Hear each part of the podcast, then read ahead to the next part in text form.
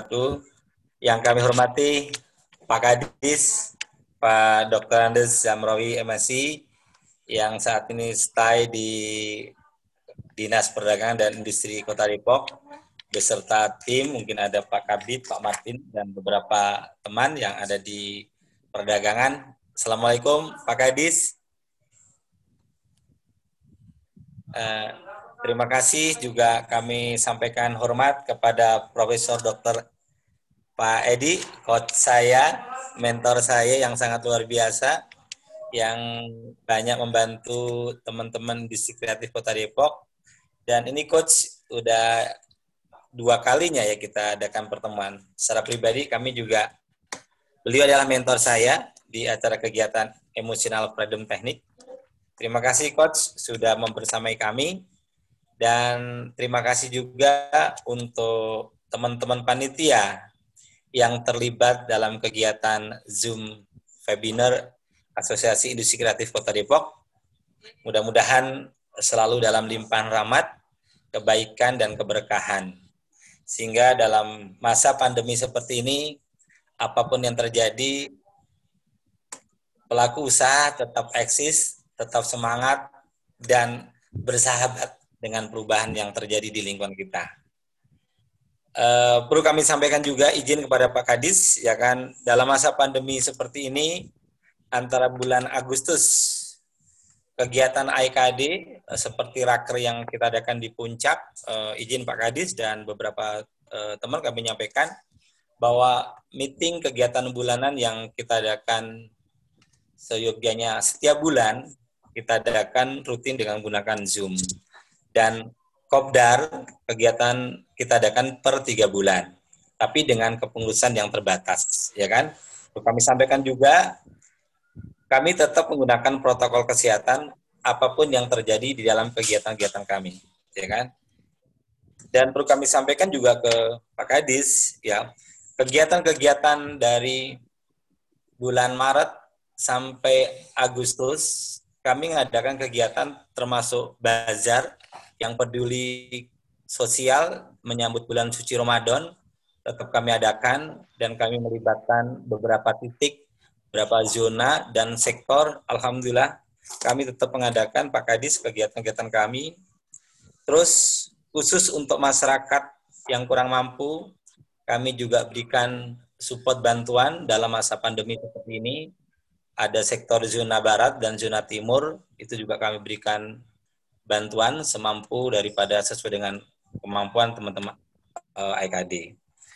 Pengembangan usaha, alhamdulillah dari bulan Maret dan Mei, memang pandemi sangat berdampak, tetapi karena kita melakukan inovasi dan kreatif, termasuk arahan Pak Kadis beberapa bulan lalu ketika kami melakukan uh, komunikasi via telepon, kami uh, kami tetap eksis memang terasa dampak daripada omset.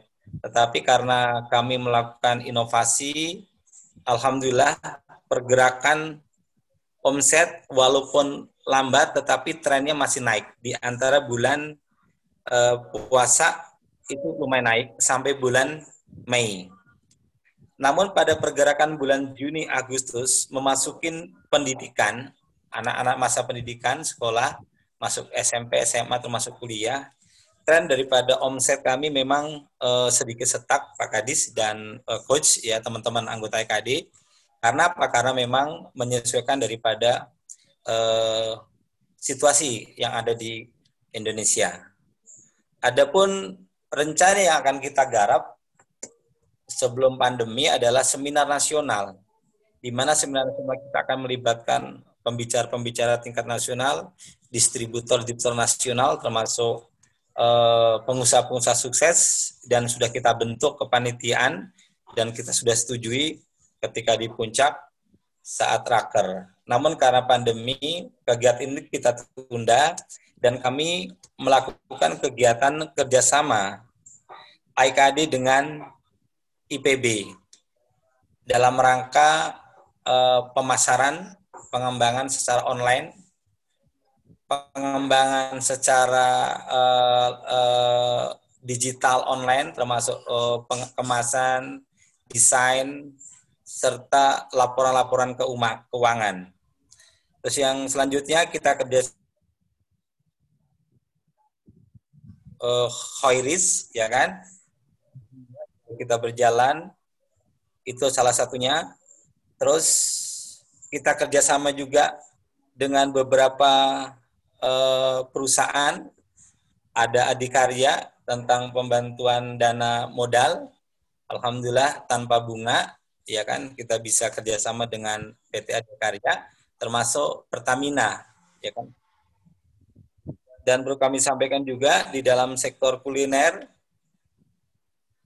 frozen 70%. Jadi makanan-makanan yang menggunakan kemasan biasanya offline datang kita makan, kami gunakan dengan konsep frozen dan 70% penjualan alhamdulillah itu grafiknya naik Pak Kadis dan uh, coach uh, Edi dan teman-teman ya itu gambaran kami termasuk Cifood kita kerjasama juga dengan Cifood uh, Cipayung uh, Food ya. Jadi konsep pemasaran online termasuk kita kerjasama dengan uh, Mall BRI. Jadi lobby-lobby kami itu bukan hanya satu instansi, tetapi Mall BRI, Cifood, terus konsep-konsep yang menggunakan konsep online. Untuk in, untuk instansi kita kerjasama dengan UPN, Universitas uh, Pembangunan Nasional, termasuk Gunadarma, dalam proses pendampingan pelaku usaha dan sosialisasi aplikasi online. Jadi dalam masa pandemi ini kegiatan kami dengan instansi maupun kelembagaan alhamdulillah e, berjalan dan kesempatan untuk membantu teman-teman yang belum mendapatkan perizinan alhamdulillah AIKD mengadakan PKP yang ke-19 penyuluhan keamanan pangan yang ke-19 dan alhamdulillah uh, ini berjalan dengan offline, kami kami lakukan dengan 23 peserta. Dan TKP hingga 20, alhamdulillah pesertanya sudah ada 20 orang, namun karena suasana pandemi, ini kita pending dulu, ya kan? Itu mungkin beberapa poin tentang keanggotaan. Alhamdulillah dalam masa pandemi seperti ini, keanggotaan EKD tetap bertambah. Rata-rata setiap bulan ada dua atau empat orang yang bergabung di Asosiasi Industri Kreatif, ya kan? Termasuk di antara teman-teman kami, Pak Kadis, ya kan? E, ikut menjadi pendamping daripada e, eh, UMKM Jabar Juara, ya kan? Termasuk kemarin, kemarin kerjasama kami dengan Kementerian Pendidikan dan Kebudayaan dalam bidang coaching bisnis. Alhamdulillah, ini sudah masukin jilid yang ketiga dan saya bagian daripada uh, tim coaching tersebut. Dan perlu kami sampaikan juga ke Pak Kadis, kepengurusan IKD, kebetulan saya masuk di periode kedua ini, ya kan, kami akan mengadakan evaluasi, insya Allah eh, September ini eh, ada kinerja yang positif, ada anggota-anggota maupun yang aktif, dan insya Allah akan kami jadikan sebagai pengurus untuk menambah dobrak semangat dan pengembangan demi suksesnya organisasi IKD yang kita cintai. Beberapa poin itu yang mungkin kami sampaikan dan kami mohon nanti masukan arahan dari Pak Kadis eh, serta Coach Edi ya kan. Dan hari ini emang sengaja kami menghadirkan Coach Edi dalam rangka suasana pandemi keberuntungan kadang-kadang tidak berada di kita, keberuntungan kadang-kadang tidak berada di dalam keluarga kita maupun usaha, tentu tensi, emosi, dan sebagainya menghambat semangat kita. Saya berharap Coach Edi, salah satu founder FT Internasional yang ada di Indonesia, mampu memberikan solusi, mampu menata teman-teman secara emosional, bagaimana ini melangkah, bagaimana hati kita lebih kuat lagi dalam menghadapi pandemi seperti ini. Tetap semangat dan saya yakin perubahan pasti akan terjadi untuk kebaikan kita. Terima kasih juga untuk para sponsor yang telah berpartisipasi dalam kegiatan ini. Satu ada Mikangen, Pak Kadis tentu tahu Mikangen, ya kan alamat Sekretariat EKD, ya kan. Ada Salsabila, ada Dentistika Ibu Dr. Ana, Ibu Ruci, ada Rumah Tempeku, Mbak Elis, dan LMI Gula Singkong Heaven Kitchen. Itu adalah teman-teman kami yang membantu kegiatan ini. Bu Nurita juga sama sudah membantu kami. Dan terima kasih untuk teman-teman semua yang terlibat dalam acara kegiatan ini dan insya Allah sepertinya teman-teman masuk banyak. Mungkin karena masih produksi Pak Kadis, Coach masih pagi-pagi, mereka masih produksi, maklum orang dagang, dia prioritas dari set, ya kan. Sekali lagi tetap semangat, ya kan. Terus berjuang untuk orang-orang yang kita cintai. Sukses berjamaah, semoga Allah memberikan keberkahan buat usaha kita. Terima kasih, terima kasih, dan terima kasih. Assalamualaikum warahmatullahi wabarakatuh. Waalaikumsalam warahmatullahi wabarakatuh. Terima kasih sambutan dari Ketua AIKD, Ketua Asosiasi Industri Kreatif Kota Depok, Bapak Tandes Haji Markiat. Tanpa berlian, sebenarnya sudah berlian beliau ya. Ya, Alhamdulillah untuk random acara berikutnya adalah sambutan dari Kepala Dinas Industri dan Perdagangan Bapak Dr. Andes Zamrowi MSI. Kami persilakan kepada Bapak untuk memberikan sambutan. Silakan Pak Kadis. Saya buka. Ya, baik. Bismillahirrahmanirrahim. Assalamualaikum warahmatullahi wabarakatuh.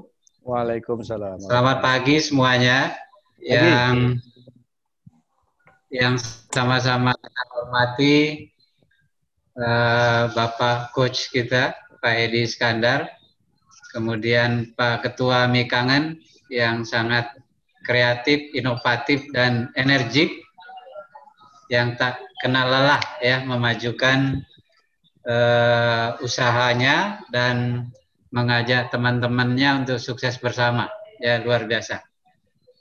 Kemudian juga yang kami hormati juga seluruh peserta uh, webinar yang sudah hadir, kurang lebih 24 orang. Pertama tentu kami mengucapkan terima kasih atas uh, terselenggaranya webinar pada pagi hari ini dan mengucapkan syukur juga kepada Tuhan Yang Maha Kuasa bahwa kita semua masih diberikan nikmat sehat oleh Allah Subhanahu wa taala. Karena tidak sedikit saudara-saudara kita yang saat ini berada dalam kondisi yang tidak beruntung ya.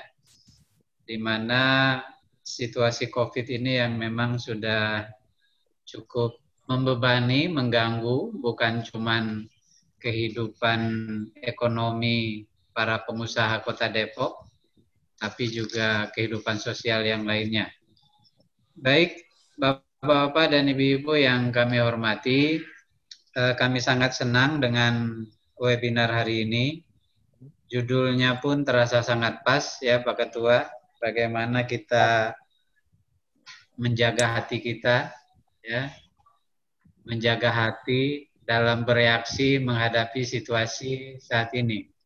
Sebab begini Bapak-bapak dan ibu-ibu, ketika awal kemunculan COVID-19 ini di akhir tahun lalu atau awal tahun ini, itu cara masyarakat bereaksi itu macam-macam banget.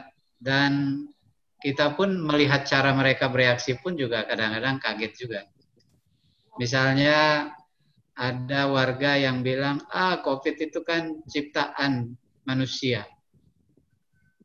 Itu hanya apa semacam eh, apa diada-adakan ya.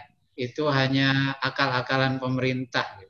Nah jadi cara bereaksi masyarakat atau manusia itu memang beragam banget ya pemerintah pun di dunia cara bereaksinya juga macam-macam juga aneh-aneh juga.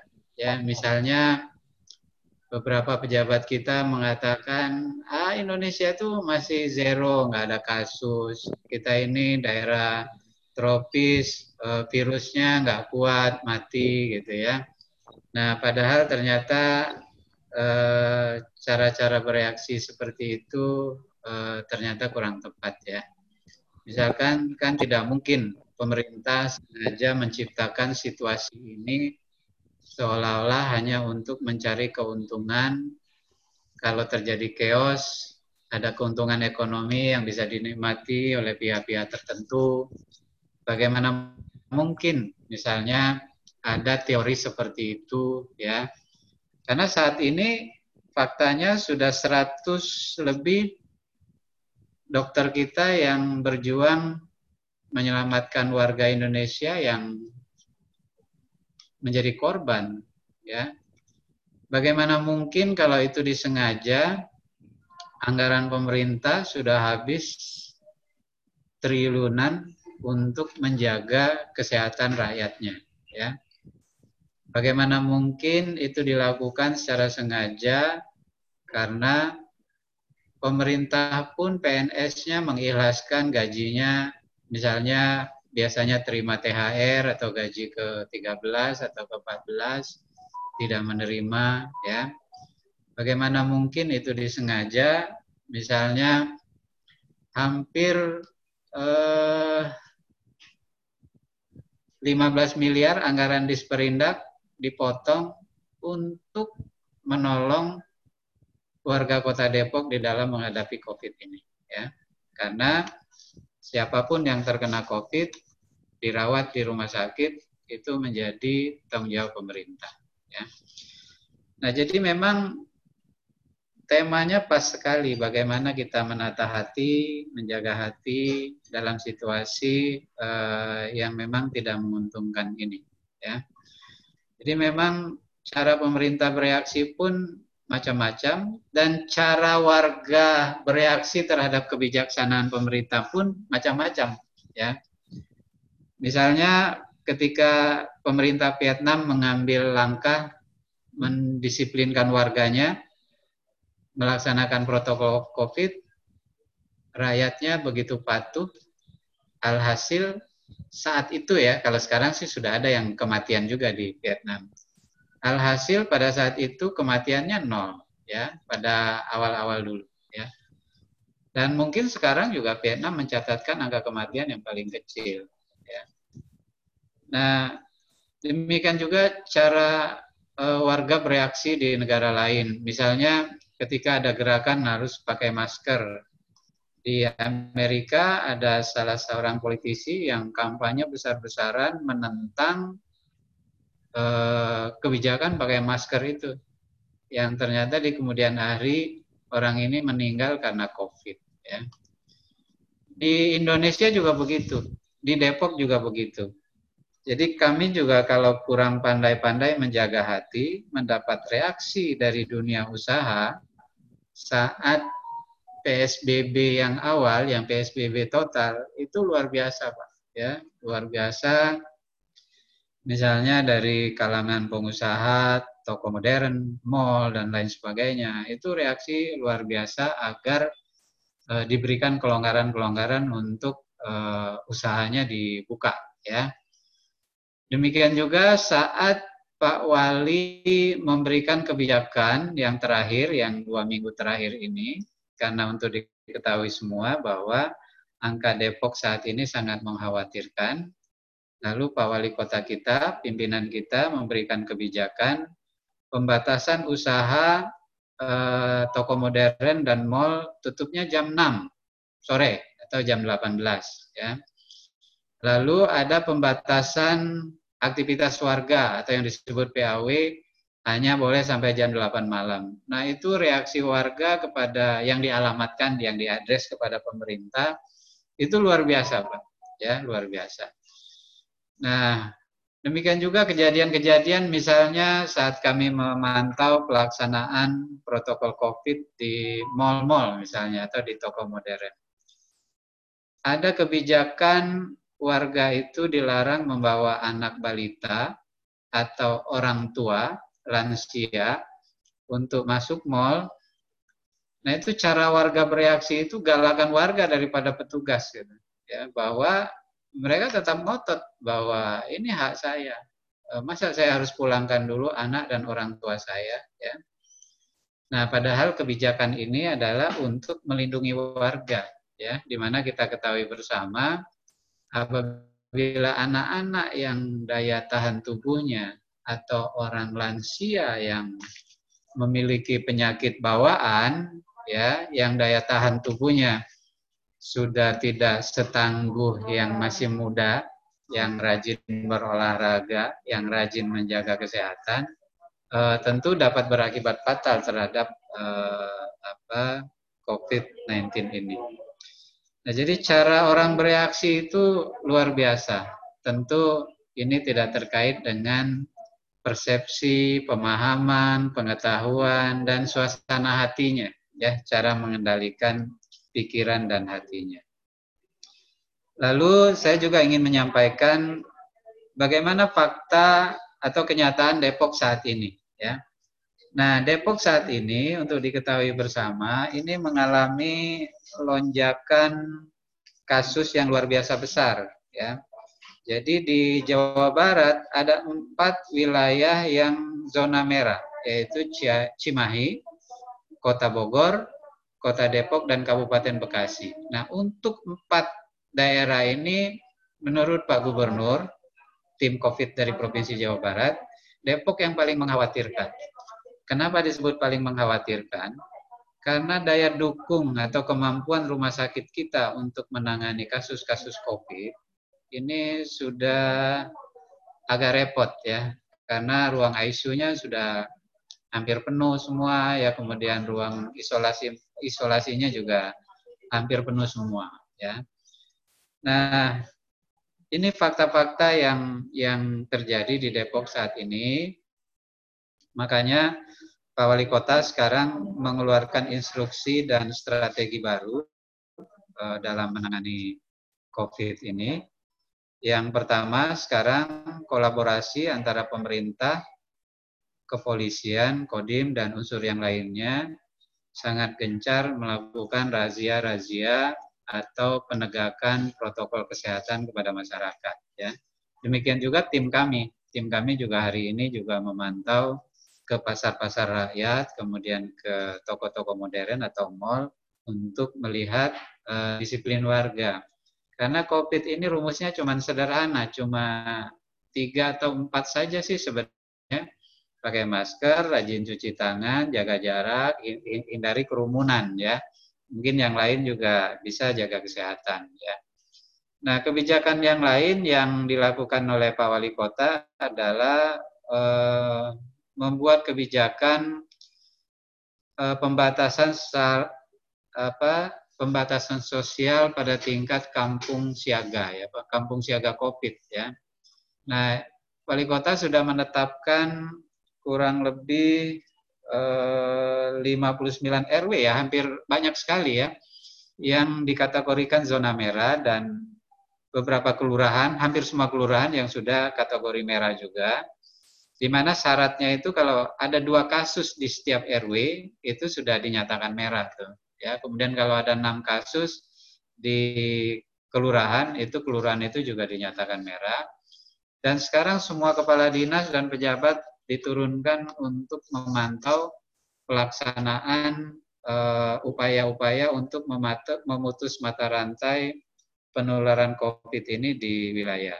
Nah, Bapak dan Ibu-Ibu yang saya hormati, dua hal yang saya uraikan saat barusan tadi eh, ingin menegaskan kepada Bapak dan Ibu-ibu kita semua bahwa kondisi sekarang ini tidak bisa kita anggap main-main, tidak anggap tidak bisa kita anggap eh, sesuatu yang eh, kecil remeh-temeh seperti itu.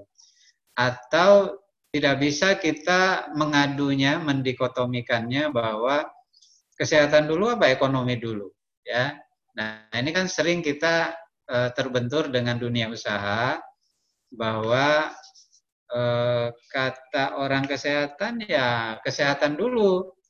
Karena kalau orangnya sehat, nyawanya bisa diselamatkan, ekonomi bisa dipulihkan.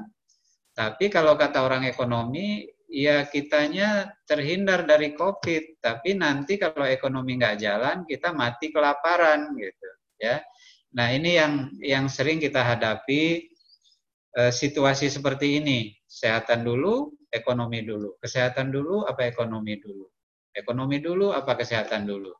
Nah, menurut kami tentu kita tidak bisa eh, apa piece to piece untuk mengadu keduanya atau memilih salah satu ya.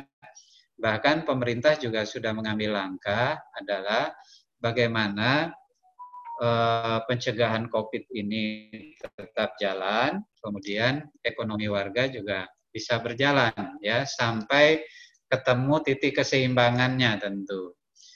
Nah, bagaimana menemukan titik keseimbangan kesehatannya jalan, ekonomi jalan. Nah, ini yang barangkali yang disebut dengan inovasi, kreativitas ya, sesuai banget dengan eh, apa slogannya AIKD ya. Jadi berani kreatif itu hebat gitu. Ya Pak Marki ya. Jadi berani kreatif itu hebat.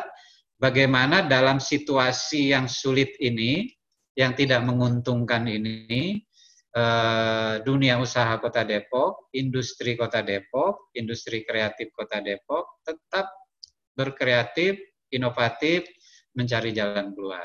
Saya pikir soal rumusnya bagaimana caranya Eh, Bapak dan Ibu-Ibu semua sudah lebih memahami. Mungkin solusi terbaik saat ini adalah digitalisasi ekonomi merupakan satu eh, solusi yang terbaik ya.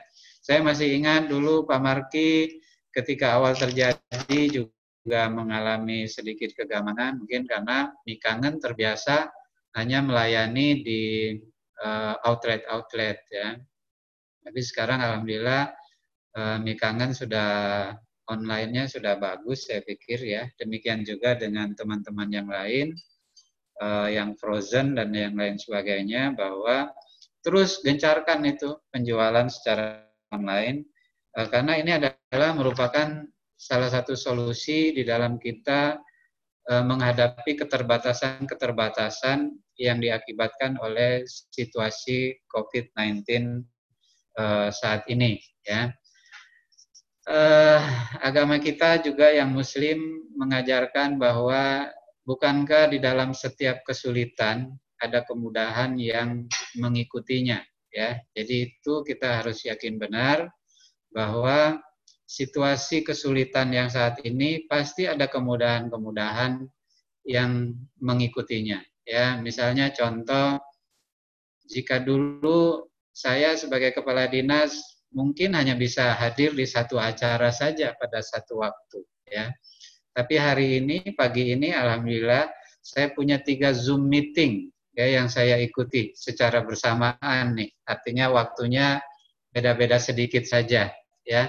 Jam 9 tadi pagi tank sampai jam sampai sekarang baru selesai ya kita Zoom meeting dengan tim penanganan COVID Kota Depok ya.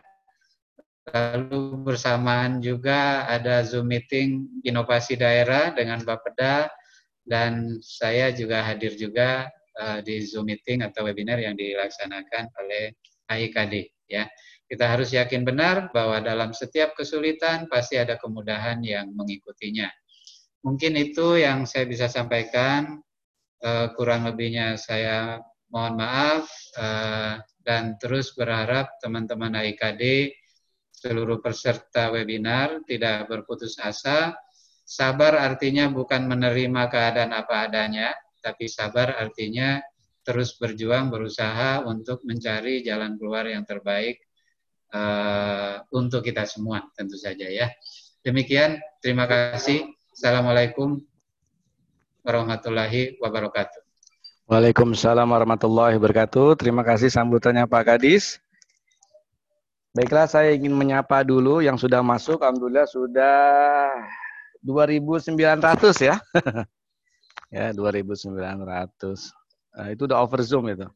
Ya, terima kasih juga untuk ada Mbak Oca nih, IPMI yang sudah hadir ya, mensupport acara hari ini dan rekan-rekan yang Pak Fauzi ya, MTR ya. Terima kasih sudah masuk.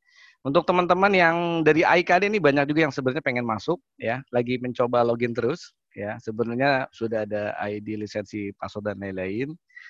Nah, acara yang hari ini sangat spesial adalah acara langsung kepada pemateri Coach Dr. Edi Iskandar MSC yang sudah sebenarnya paling awal ya Coach ya, paling awal masuk untuk memberikan materi hari ini. Baiklah, untuk acara hari ini Coach Dr. Edi Iskandar MSC yang akan memberikan materi. Sayangnya untuk lisensi Zoom yang kali ini co-hostnya malah saya cek oh nggak ada tampilan co-hostnya gitu Coach.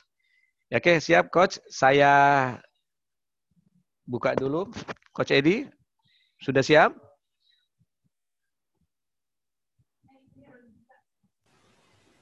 Baik. Ya, silakan uh, Coach. Kedengaran suaranya ya? Iya. ya. Jadi sekarang langsung saya waktunya. Silakan Coach, Alhamdulillah. Baik, terima kasih Pak Cahyadi. Kita mulai dengan basmalah. Bismillahirrahmanirrahim. Assalamualaikum warahmatullahi wabarakatuh. Waalaikumsalam warahmatullahi Selamat pagi dan salam sejahtera buat kita semua. Jadi pagi. Pada pagi hari ini tentu kita tak lupa panjatkan puji syukur kepada Allah. Salawat dan salam kepada junjungan besar Nabi Muhammad Sallallahu Alaihi Wasallam. Dan bersyukur sekali yang terhormat Pak Marki.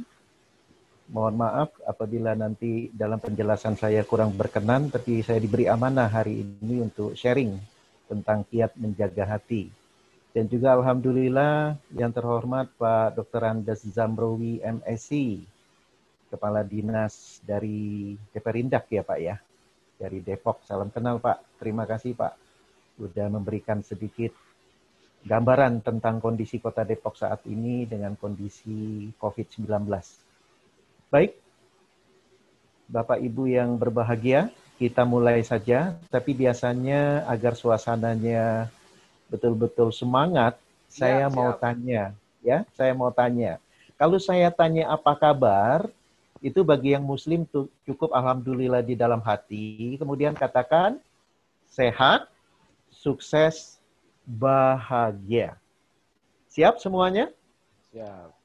Siap ya. Jadi kalau di training secara offline, kalau saya bilang siap, itu jawabannya adalah lebih siap. Siap semuanya? Lebih siap. Ah, lebih siap. Sekarang saya tanya, apa kabar Bapak Ibu semua pagi hari ini? Sehat? Sehat. Alhamdulillahnya dalam hati atau alhamdulillah sehat? sukses, Sehat. bahagia. Sukses, sukses bahagia. Coba sekali lagi biar semangat ini para pengusaha Kota Depok dan sekitarnya atau mungkin juga ada dari yang luar Depok ya karena tadi pagi saya telepon sahabat saya di Semarang itu langsung pengusaha Semarang ikutan katanya. Baik. Saya cas oh, dulu baterainya. Saya ulangin Bapak Ibu, apa kabar pagi hari ini? Alhamdulillah sehat sukses, bah, bahagia. bahagia. Baik, alhamdulillah ini ada topik yang menurut saya sangat unik ya. Ini bukannya ustadz tapi diminta kiat menjaga hati. Tapi saya tahu Pak Ketum tahu bicara hati di sini adalah hati dalam konteks menyeluruh. Jadi kajiannya mungkin saya tidak sama seperti dengan. Agim, tetapi kajiannya seperti barusan ini ada agenda yang akan kita bahas agar lebih sistematis. Kita tentu bicara tadi masalah COVID, kita bicara kondisi saat ini. Nah, nanti apa hubungannya dampak yang terjadi? Karena ada kata kunci ketika bicara pengusaha itu adalah masalah produktivitas. Nah, judul kita adalah agar kita tetap menjadi menang. Baik, sekarang kita masuk ke kondisi Bapak Ibu ya. Eh, mungkin di slide berikutnya tolong host Pak Cahyo. Ya, slide berikutnya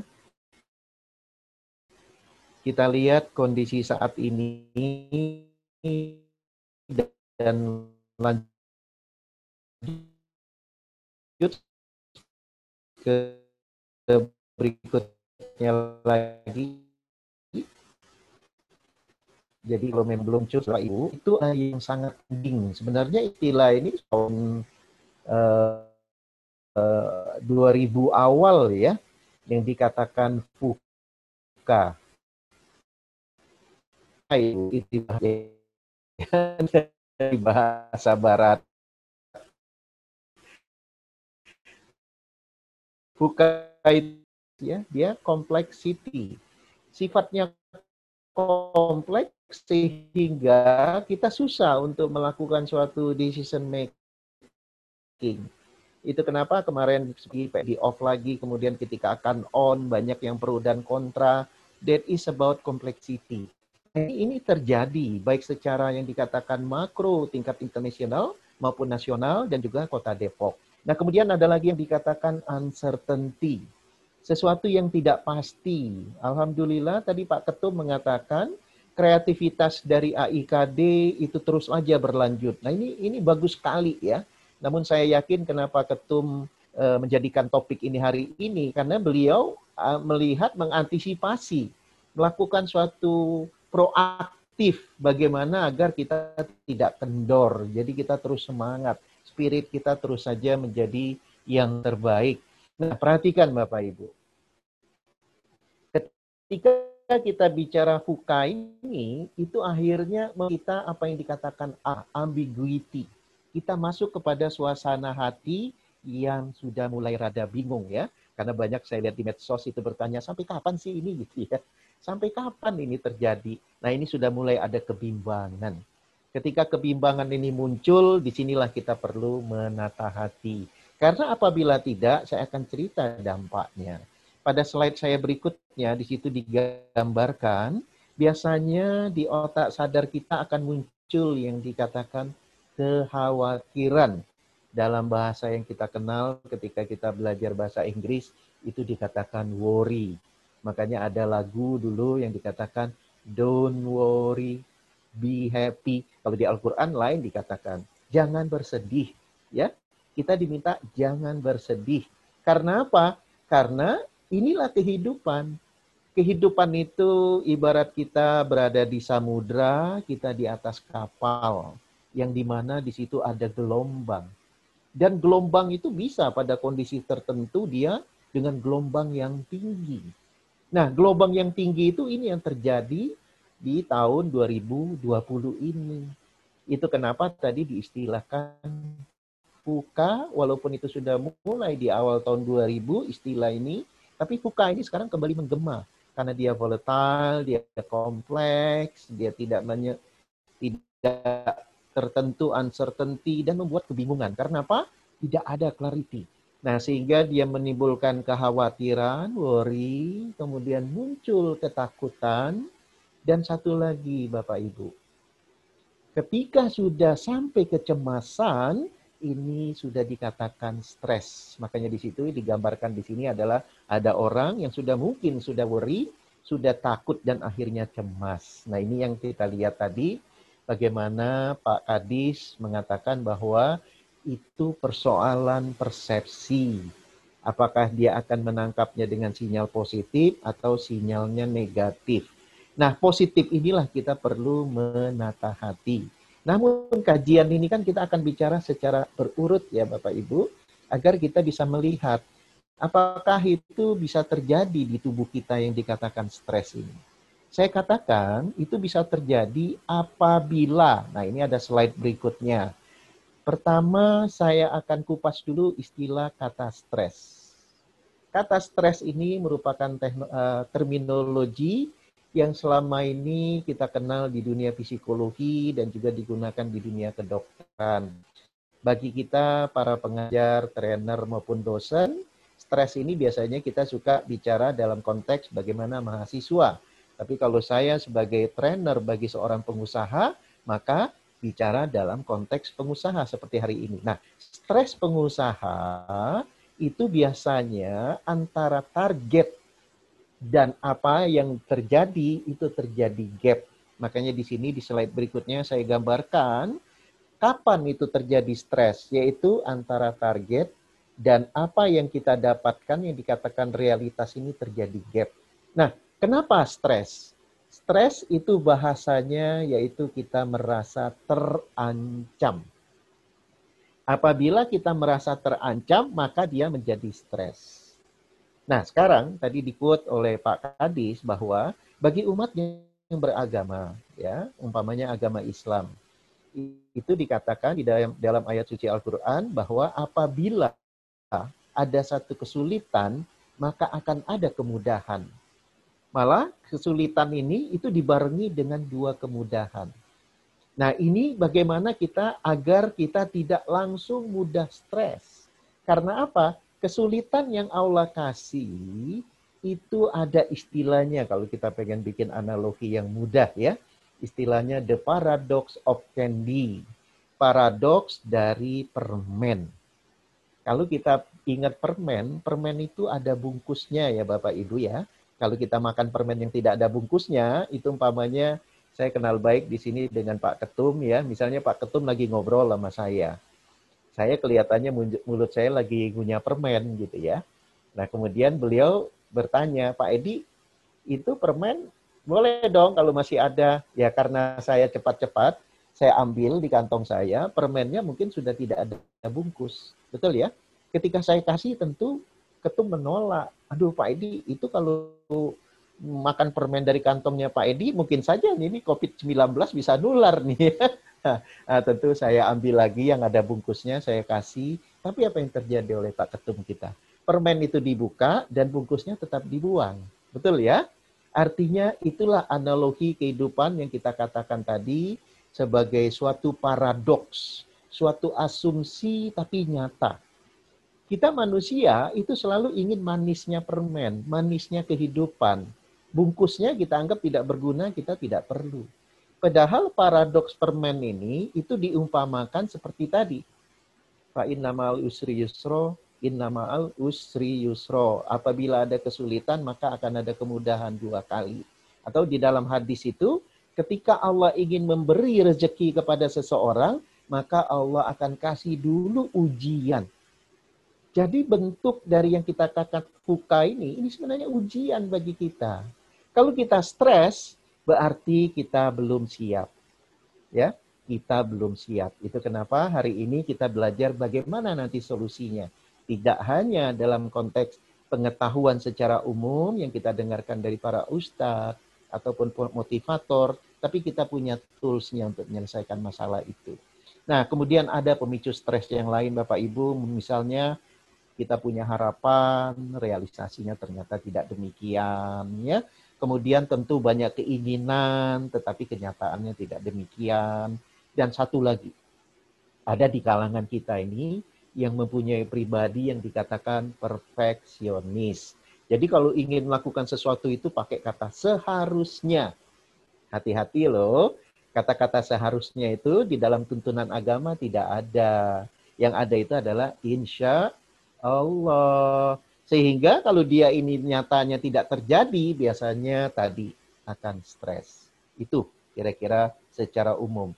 Jadi kalau ditanya, kenapa kita cemas? Kenapa kita takut? Kenapa kita khawatir? Karena tadi kita punya ekspektasi, harapan, tetapi faktanya tidak demikian. Apabila gap ini tidak diisi dengan tadi Pak Kadis juga mengutip kata sabar, tidak diisi dengan sabar, tidak diisi dengan tetap bersyukur dengan kondisi apa pun, maka hati kita akan gundah gulana. Kalau anak muda bilang menjadi galau ya. Baik, saya lanjutkan Bapak Ibu. Hari ini di slide berikutnya saya hanya memberikan satu kajian ilmiah dikatakan kalau kita dalam kondisi yang tetap tenang, tetap happy, maka kita malah meningkat produktivitas kita dari kajiannya dikatakan bisa 12% malah meningkat.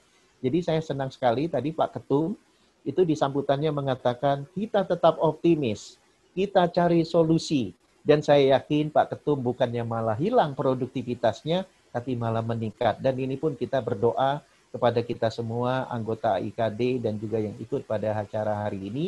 Yang saya lihat tadi ada korespondensi dari Ibu Nurita, saya, saya lihat itu ada Ketua IPMI juga yang hadir ya. Eh, terima kasih Bu bisa bersedia hadir. Nah, satu lagi pesannya, apabila kita kalah menyikapinya, salah menyikapinya, dan kalah, maka kita menjadi 10% less produktif. Kita akan malah lebih down. Kesimpulannya adalah jangan stres. ya. Untuk tidak stres ini tadi, menata hati. Baik, saya lanjutkan Bapak Ibu. Sekarang kita lihat dampaknya. Boleh dilanjut kepada slide berikutnya, dua slide ke depan. Ya. Mohon maaf saya tidak bisa cepat memainkan slide karena ini di bawah kontrol host ya. Lanjut slide berikutnya lagi. Tolong host slide berikutnya lagi. Ya, mungkin kalau tidak dijelaskan saya jelaskan saja. Nah, ini dia. Perhatikan Bapak Ibu, ini kita perlu pahami karena kalau kita tidak pahami, kalau kita merasa bahwa gejala itu sudah terjadi pada tubuh kita, maka kita cepat-cepat harus menata hati kita dan kita keluar dari situasi ini. Jadi bagaimana reaksinya Bapak Ibu? Segala sesuatu di dunia ini apa yang terjadi itu pintu masuknya melalui yang dikatakan panca indera. Ya, dalam terminologi umum itu dikatakan sensor. Sensornya itu adalah panca indera. Otak kita yang bekerja bereaksi tetapi kenapa Pak Ketum mengatakan menjaga hati? Karena nanti ada dalil ilmiahnya bahwa sebenarnya otak itu itu di bawah kontrol hati. Ya, nanti kita lihat dalil ilmiahnya. Jadi memang betul panca indera itu yang menangkap secara mekanismenya, tetapi hati ini yang sebenarnya yang akan bereaksi. Dia akan menjadi positif ataupun negatif. Nah, sekarang kita bicara secara ilmu fisiknya dulu sebelum kita masuk ke metafisik, bagaimana hati itu juga sangat bereaksi. Perhatikan Bapak Ibu, dari otak kita ini ini ada yang dikatakan glands. Glands itu kalau dalam bahasa kedokteran itu adalah sistem dari tubuh kita yang memproduksi hormon ya. Bagaimana menstimulasi adrenal, adrenalin, hormon adrenalin. Kemudian nanti akan ada natural narcotics. Jadi adrenalin ini dikatakan natural narcotics otomatis dia akan menjadi anti-inflammatory ya. Artinya sebenarnya kondisi stres itu kalau kita bicara baca buku psikologi itu adalah kondisi zaman dulu Bapak Ibu. Bagaimana orang dulu itu takutnya kepada binatang. Jadi dipersiapkan tubuh kita untuk yang dikatakan hormon stres ini untuk kita lawan, kita fight, dia larinya ke tangan jadi kuat dan kita fly kita kabur, kita lari ya karena binatang. Tapi sekarang kita dengan COVID kita bisa stres. Dengan kondisi sales kita menurun kita bisa stres. Nah, hati-hati. Apabila stres itu tidak digunakan secara optimal berdasarkan desainnya Allah, sebenarnya desainnya baik, cuma situasi dan kondisi yang berbeda. Kalau kita stres pada kondisi sebenarnya, itu baik-baik saja. Tapi pada stres kondisi COVID, nah ini yang jadi bermasalah. Jadi nanti ada adrenalin, ya, norepinefrin, ini keluar semua. Dan ini bagaimana juga gula darah kita. Itu kenapa orang yang kena gula darah itu sebenarnya bukan hanya pola makan pemicunya, juga dari pola pikir ya, hati-hati. Kajiannya begitu mengatakan. Kemudian bagaimana blood pressure kita. Jantung kita berdegup-degup ya. Sebenarnya itu bagus kalau kondisinya memang lagi menghadapi ancaman sebenarnya tetapi pada kondisi saat ini kita sebenarnya tidak perlu demikian. Nah, inilah yang akan adanya insulin. Ini ya kenapa reaksi di dalam tubuh kita ini. Nah, kajian yang sederhana tentang ini Bapak Ibu, itu sudah dikaji oleh Dr. Candace, itu ada di dalam buku Molecule of Emotion. Kita singkat saja kajiannya adalah psikoneuroimunologi. Jadi kalau pikiran kita positif, maka sistem saraf kita akan bekerja untuk mengendorse ya, mengendorse sistem hormon kita keluar hormon-hormon positif sehingga imun sistem kita baik. Tetapi apabila kita merespon, bereaksi terhadap sesuatu itu menjadi negatif, maka dia akan seperti ini Bapak Ibu. Jadi yang muncul itu adalah hormon-hormon yang sebenarnya baik pada kondisi sebenarnya, tapi karena tidak sesuai penggunaannya dia menjadi hormon yang tidak sehat. Apa itu? Adrenalin, kortisol. Tapi kalau yang positif, dia adalah hormon seperti yang dikatakan endorfin. Nah, sekarang Bapak Ibu, seberapa kuat sih kita dengan kondisi seperti ini yang terus-menerus? Nah, ini inilah kenapa di sini saya kasih judul stres hubungannya dengan sakit. Kalau kita terus saja dipicu dengan stres sampai batas maksimum di sini saja, apalagi kita sudah ada sel-sel yang bisa membawa kita penyakit yang dikatakan carrier cell, maka kita akan sakit. Jadi kalau orang kena gula darah, muncullah gula darahnya, ya. Kalau dulu orang tuanya itu ada keturunan jantung, gampang jantung muncul sakit jantungnya. Nah ini macam-macam. Tapi kalau kita mampu mengatasi stres ataupun yang dikatakan symptom free, tidak ada gejala di tubuh kita. Jadi kita akan insya Allah sehat. Kita akan insya Allah sukses dunia akhirat dan kita insya Allah akan menjadi orang yang senantiasa bertakwa dan akan mendapatkan kebahagiaan yaitu dunia akhirat. Baik, saya lanjutkan slide berikutnya. Jadi Bapak Ibu, apabila kita telah A, maka kita lanjut slide berikutnya tolong. Agar jelas ini kronologisnya. Ya, slide berikutnya. Mungkin agak, nah ini dia ya. Bagaimana terjadi di tubuh kita. Jadi kalau tadi saya cerita tentang sistem di dalam tubuh kita, ini bagaimana kita merespon. Suatu kejadian yang terus-menerus tidak sesuai dengan harapan kita apa pun aneka problem kehidupan. Karena yang saya tahu di AIKD ini justru eh, Pak Ketum ini kayak 007 ya, dikelilingin oleh wanita-wanita pengusaha gitu ya. Artinya banyak ibu-ibu. Di mana ibu-ibu dia juga punya peran bagaimana mendidik anak. Bagaimana tetap sebagai istri dari suami yang soleh ya. Sekarang suasana COVID juga, juga jadi guru ya Mungkin kalau usianya sudah lebih manula, sudah punya cucu. Nah ini kan banyak problema Bapak Ibu. Kalau kita bicara hati, ini adalah bicara emosi. Emosi ini, ini bahasanya dari bahasa psikologi. Ya, bahasa hati itu bahasa kedokteran dan juga bahasa agama juga mengatakan hati. Makanya Rasulullah 15 abad yang lalu sudah mengatakan apa? Di dalam tubuh manusia ada segumpal daging. Apabila daging itu baik, maka akan baik. Baik itu bukan hanya dalam konteks sehat secara tubuh, tapi juga sehat akhlaknya. Dalam konteks iman ya, artinya tubuhnya, hati dan tubuhnya sehat, perkataan sehat, artinya pengucapannya jadi menjadi akhlak yang baik, dan juga perbuatannya juga menjadi yang baik. Nah, di sinilah yang dikatakan hati. Ya, hati ini dalam bahasa psikologi dikatakan emosi. Jadi kalau kita cemas, bayangin ya, hati itu kan diibaratkan jantung kalau secara organnya. Itu kalau kita lagi emosi marah, hmm, emosi takut, degupannya semakin kencang.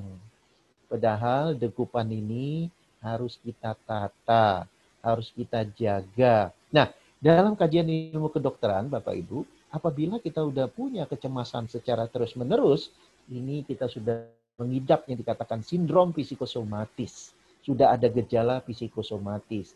Psiko itu adalah pikiran, matis ke raga. Jadi pikiran dan raga ini sudah mulai tidak normal, tidak seimbang. Dalam ilmu kedokteran dikatakan tidak terjadinya homeostasis. Nah, psikosomatis ini yang akan menyebabkan gangguan, tekanan, baik secara fisik maupun psikologis.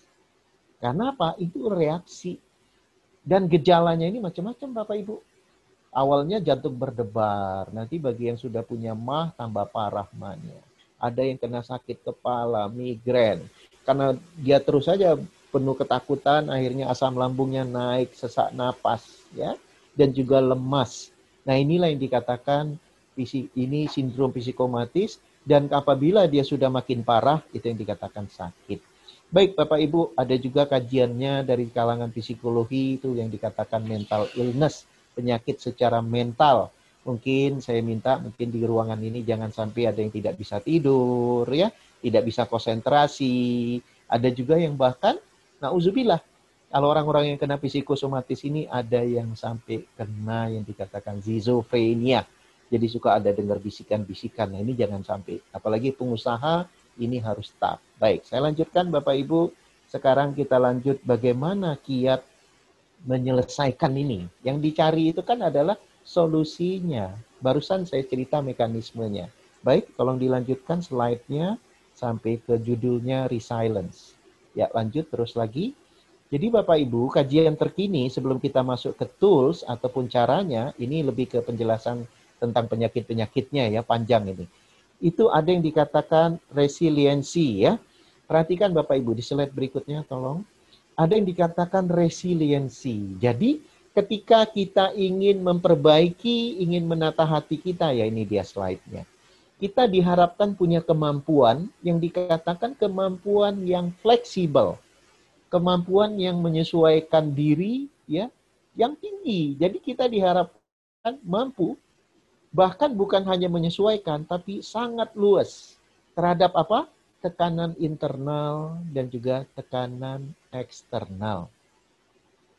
Itu kenapa tadi Pak Kadis bilang dalam konteks Covid ini menjadi satu apa ya? satu polemik ya. Ada yang berpikir sehat dulu atau ekonomi dulu Nah, di sini kalau saya bilang, kalau Rasulullah sesuai dengan ajaran Islam, yang dipentingkan itu justru manusianya dulu.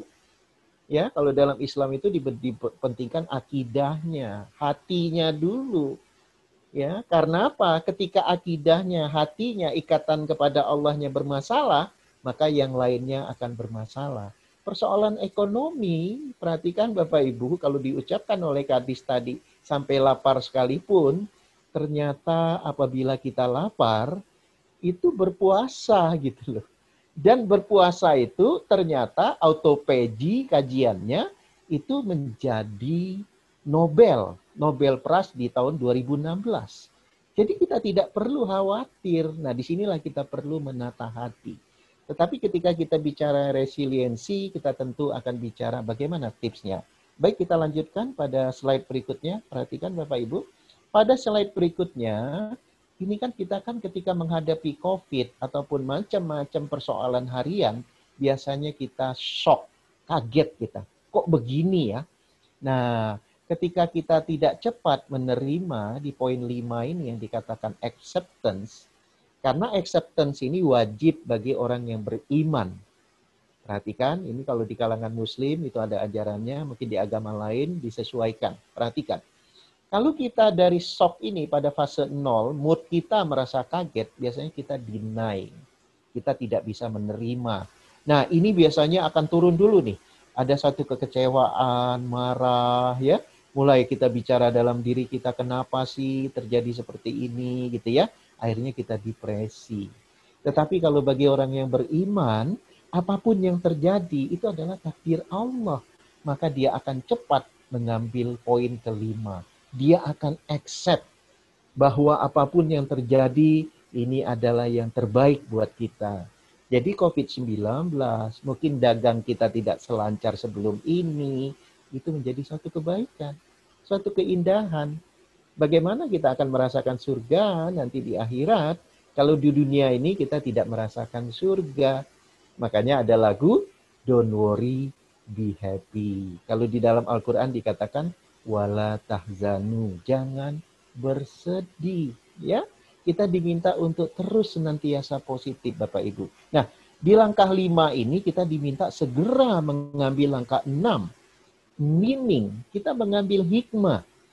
Di setiap uh, sesuatu kejadian tentu ada hikmah. Ada pelajaran apa yang kita ambil. Makanya Bapak Ibu, kalau Anda lihat dari Kuberos Change Curve ini, jangan dibaca ikutan seperti kajian umum seperti ini. Kita harus sampai depresi. Ini berlaku di kalangan orang yang tidak beriman. Kalau kita orang beriman, kita cepat ingat Allah. Astagfirullahaladzim, ya Allah. Kenapa saya takut dengan COVID? Bukan berarti kita meremehkan COVID, kita tetap waspada, tapi tidak ada yang kita takuti kecuali yang kita takut adalah Allahu Akbar. Kita takut kepada Allah pun apabila kita tidak taat. Selebihnya tidak ada yang perlu dikhawatirkan. Pengusaha harus tough, pengusaha harus terus semangat, pengusaha harus optimis. Nah, bagaimana memudahkan agar acceptance-nya itu menjadi sesuatu yang ikhlas? ridho, dia harus cepat mencari solusi yang dikatakan apa eh, kebaikan di balik ini. Itu ada kebaikan. Kebaikan salah satunya apa? Kita akan lebih dekat kepada Allah. Jadi kalau kita tidak bisa mengambil pelajaran ini, berarti mungkin ujian yang berat akan ditimpakan lagi kepada kita. Nauzubillah min zalik. Tetapi ujian berat seperti ini justru makin mendekatkan kita kepada Allah. Baik, kita lanjutkan Bapak Ibu. Ini tipsnya. Bagaimana tipsnya secara umum ketika kita merasa berat? Ini ada 10 ya sebelum kita masuk ke tools yang akan saya jelaskan. Kita tentu pengusaha punya target sebagai orang tua punya target terhadap anak-anaknya. Ibu-ibu punya target bagaimana mengatur uang belanja dan sebagainya. Nah, perhatikan. Di dalam goal setting ya, tadi sudah saya katakan, kita wajib melakukan target. Tetapi apabila realistik itu artinya ketika terjadi apa yang terjadi walaupun di sini oh setting dengan goal yang realistik iya kita realistik. Tapi realistik itu adalah ketika sudah terjadi, kita realistik nggak menghadapinya. Realistik itu artinya apa pun yang sudah terjadi ketika kita berusaha, itu menjadi kebaikan buat kita. Kita akan sabar dan syukur. Usahanya tetap optimal. Karena di dalam Islam dikatakan iman, Islam, ihsan. Ihsan ini menuntut kita menjadi pribadi yang profesional. Perhatikan Bapak Ibu kita harus fight habis-habisan. Karena yang Allah nilai itu adalah usaha kita. Hasil, la haula wala quwata illa billah. Jadi kalau kita sudah senantiasa menggunakan pasrah, tawakal dengan ihsan, maka nothing to worry. Karena yang Allah catat sebagai amal kita bukan hasil. Itu wilayah Allah. Wilayah kita usaha. Pak, tapi hancur bisnis saya, Pak dunia ya itu hanya permainan. Main bola kaki kadang menang, kadang kalah. Anda sebagai entrepreneur it's like a game. Ya, bisa siap untuk kalah, siap untuk menang. Makanya ada istilah di Jepang itu tujuh delapan kali apa? Tujuh kali jatuh tapi bangkit delapan kali. Artinya apa? Tidak akan pernah menyerah. Karena di dalam surat Yusuf dikatakan orang-orang yang pesimis itu diibaratkan seperti orang kafir. Kita nggak mau termasuk orang yang kafir ditutup keimanannya oleh Allah karena kita yakin kepada Allah. Ini yang pertama. Yang kedua, dengan kita tadi ihsan dan kita paham bahwa Allah menilai hasil, maka kita akan self esteem. Kita akan tetap mencintai diri kita sepenuhnya. Kita mencintai kehidupan kita, kita mencintai keluarga kita, kita mencintai usaha kita, ini self esteem kita akan makin meningkat sehingga kita akan makin self confident, semakin percaya diri kita meningkat. Tetapi kalau kita ngedrop, maka ini akan jadi masalah. Biasanya ini akan banyak blaming, banyak yang disalahkan, banyak alasan. Maka jangan pernah lagi menyalahkan apa pun dan jangan banyak alasan. Kesalahan bukan untuk dijadikan banyak alasan. Yang dicari itu adalah yang ketiga, Bapak Ibu bagaimana kita learn from mistake. Artinya kita akan belajar bagaimana kita mencari solusi. Jadi bukannya kita ber, masuk ke dalam tadi depresi akibat stres berkepanjangan, tetapi kita malah senang. Karena apa? Uji kesabaran, uji syukur pada kondisi apa pun. Jadi ini penting Bapak Ibu. Karena otot ini harus dilatih, otot sabar, otot syukur, menerima fakta itu adalah otot ikhlas, ya. Ikhlas kalau menerima itu ridho, ya. Nah, ini kita penting melatihnya. Makanya dikatakan poin ketiga ini adalah learning from the mistake. Jadi tidak ada yang perlu kita salahkan, setiap kesalahan itu ada peluang perbaikan. Kemudian apa? Bagaimana kita memahami yang dikatakan tadi accept acceptance. Kita punya kekuatan, punya kelemahan. Tentu. Tetapi bagi pribadi pengusaha, kekuatan itu akan menjadi suatu daya tempur yang akan terus diperkuat. Kelemahan akan dilakukan sebagai peluang perbaikan. Yang dikatakan bahaya, ya, yang dikatakan bahaya itu menjadi tantangan. Tentu kesempatan itu akan terus kita raih apabila kita pada kondisi yang optimal sehingga kita mudah pada langkah berikutnya melakukan self control ya. Kita terus melakukan bagaimana kita ber apa ya berkomunikasi pada internal kita kepada tubuh kita untuk terus dalam kondisi yang dikatakan sehat menata hati dan kita senantiasa berdoa kepada Allah bahwa apa? Segala sesuatu ini adalah kehidupan yang hanya sebentar yang tidak perlu kita bingung karena hidup kita sebenarnya tidak di sini Bapak Ibu. Hidup kita sebenarnya nanti di akhirat. Jadi di sini boleh dibilang kalau kita bicara dalam bahasa anak muda itu jangan terlalu dipikiri sedikit EGP walaupun kita harus betul-betul profesional menyiapkan semuanya. Kemudian Bapak Ibu langkah berikutnya kita harus jangan ya takut dengan persoalan. Justru kita siap untuk menghadapi persoalan. Makanya di sini dikatakan apa?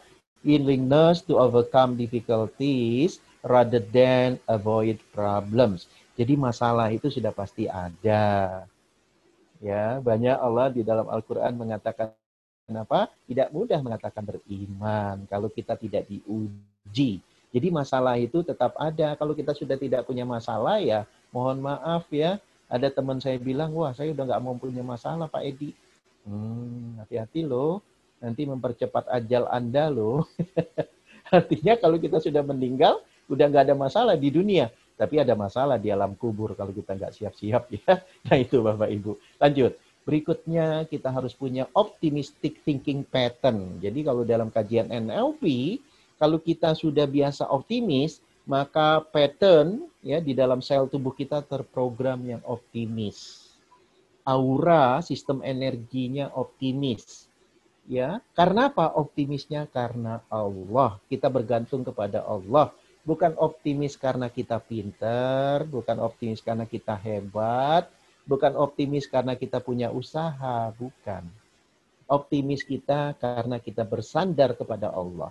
Nah, ini kenapa dikatakan optimistic thinking patterns. Kemudian tentu Bapak Ibu ya, di sini ya secara sosial ya itu kita ber apa silaturahim, silaturahmi, networking ya. Ini Pak Ketum ini alhamdulillah luar biasa. Beliau networkingnya sangat indah ya. Ya dia bisa mengajak ke semua orang menjadi satu gitu ya. Nah ini social skill ini perlu kita kembangkan. Karena dalam kajian Harvard University, silaturahim itu itu menambah usia kehidupan rezeki itu bukan hanya dalam konteks finansial, tetapi usia.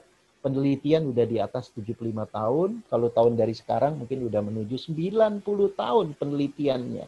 Bahwa yang dikatakan silaturahim itu, yang dikatakan dalam hadis ataupun Al-Quran, memperluas rezeki, itu terjadi. Nah, jadi ini kita terus tingkatkan social skill kita. Kemudian kita tadi minta menata hati selain self control itu adalah mengenal emosi-emosi kita. Ya, dan juga mengenal emosi lingkungan kita. Sehingga kalau kita sudah bisa menata emosi kita, kita bisa membantu emosi lingkungan kita. Mulai dari keluarga kita, teman kita di AIKD, dan satu lagi Bapak Ibu, saya katakan, kita jangan menghindari masalah karena apa? Kita juga diminta terus meningkatkan problem skills kita bagaimana solve problem ataupun problem solving skills kita terus kita tingkatkan. Nah, ini kita kajian-kajian ini ini secara fisik, ya. Nah, sekarang kita masuk ke kajian yang sifatnya metafisik. Kita lanjut kepada yang berikutnya, slide berikutnya. Perhatikan Bapak Ibu. Kita lanjut slide berikutnya bahwa ketika kita bicara menata hati, Hatmat Institute sudah melakukan kajian. Kajiannya ini sudah dikatakan sifatnya sudah mengikuti apa arahan dari kajian Al-Quran ya yang dikatakan dalam Al-Quran dan juga dikaji oleh Einstein di mana segala sesuatu itu adalah energi sifatnya kuantum. Nah ternyata secara fisik pun antara hati, heart, brain, otak, body, dan earth itu menjadi satu kesatuan. Perhatikan Bapak Ibu, dia menjadi satu kesatuan. Justru kalau kita bicara pada tubuh manusia, di mana the sentralnya? Sentralnya ada di sini. Jadi hadis Rasul itu terbukti ini yang harus kita tata, ini yang harus kita jaga. Baik, kita lanjutkan. Dalilnya gimana dari Harvard Institute?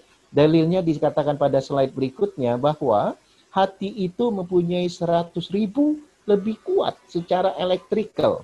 Kalau kita katakan kita ini adalah energi, energi itu punya sifat listrik Bapak Ibu.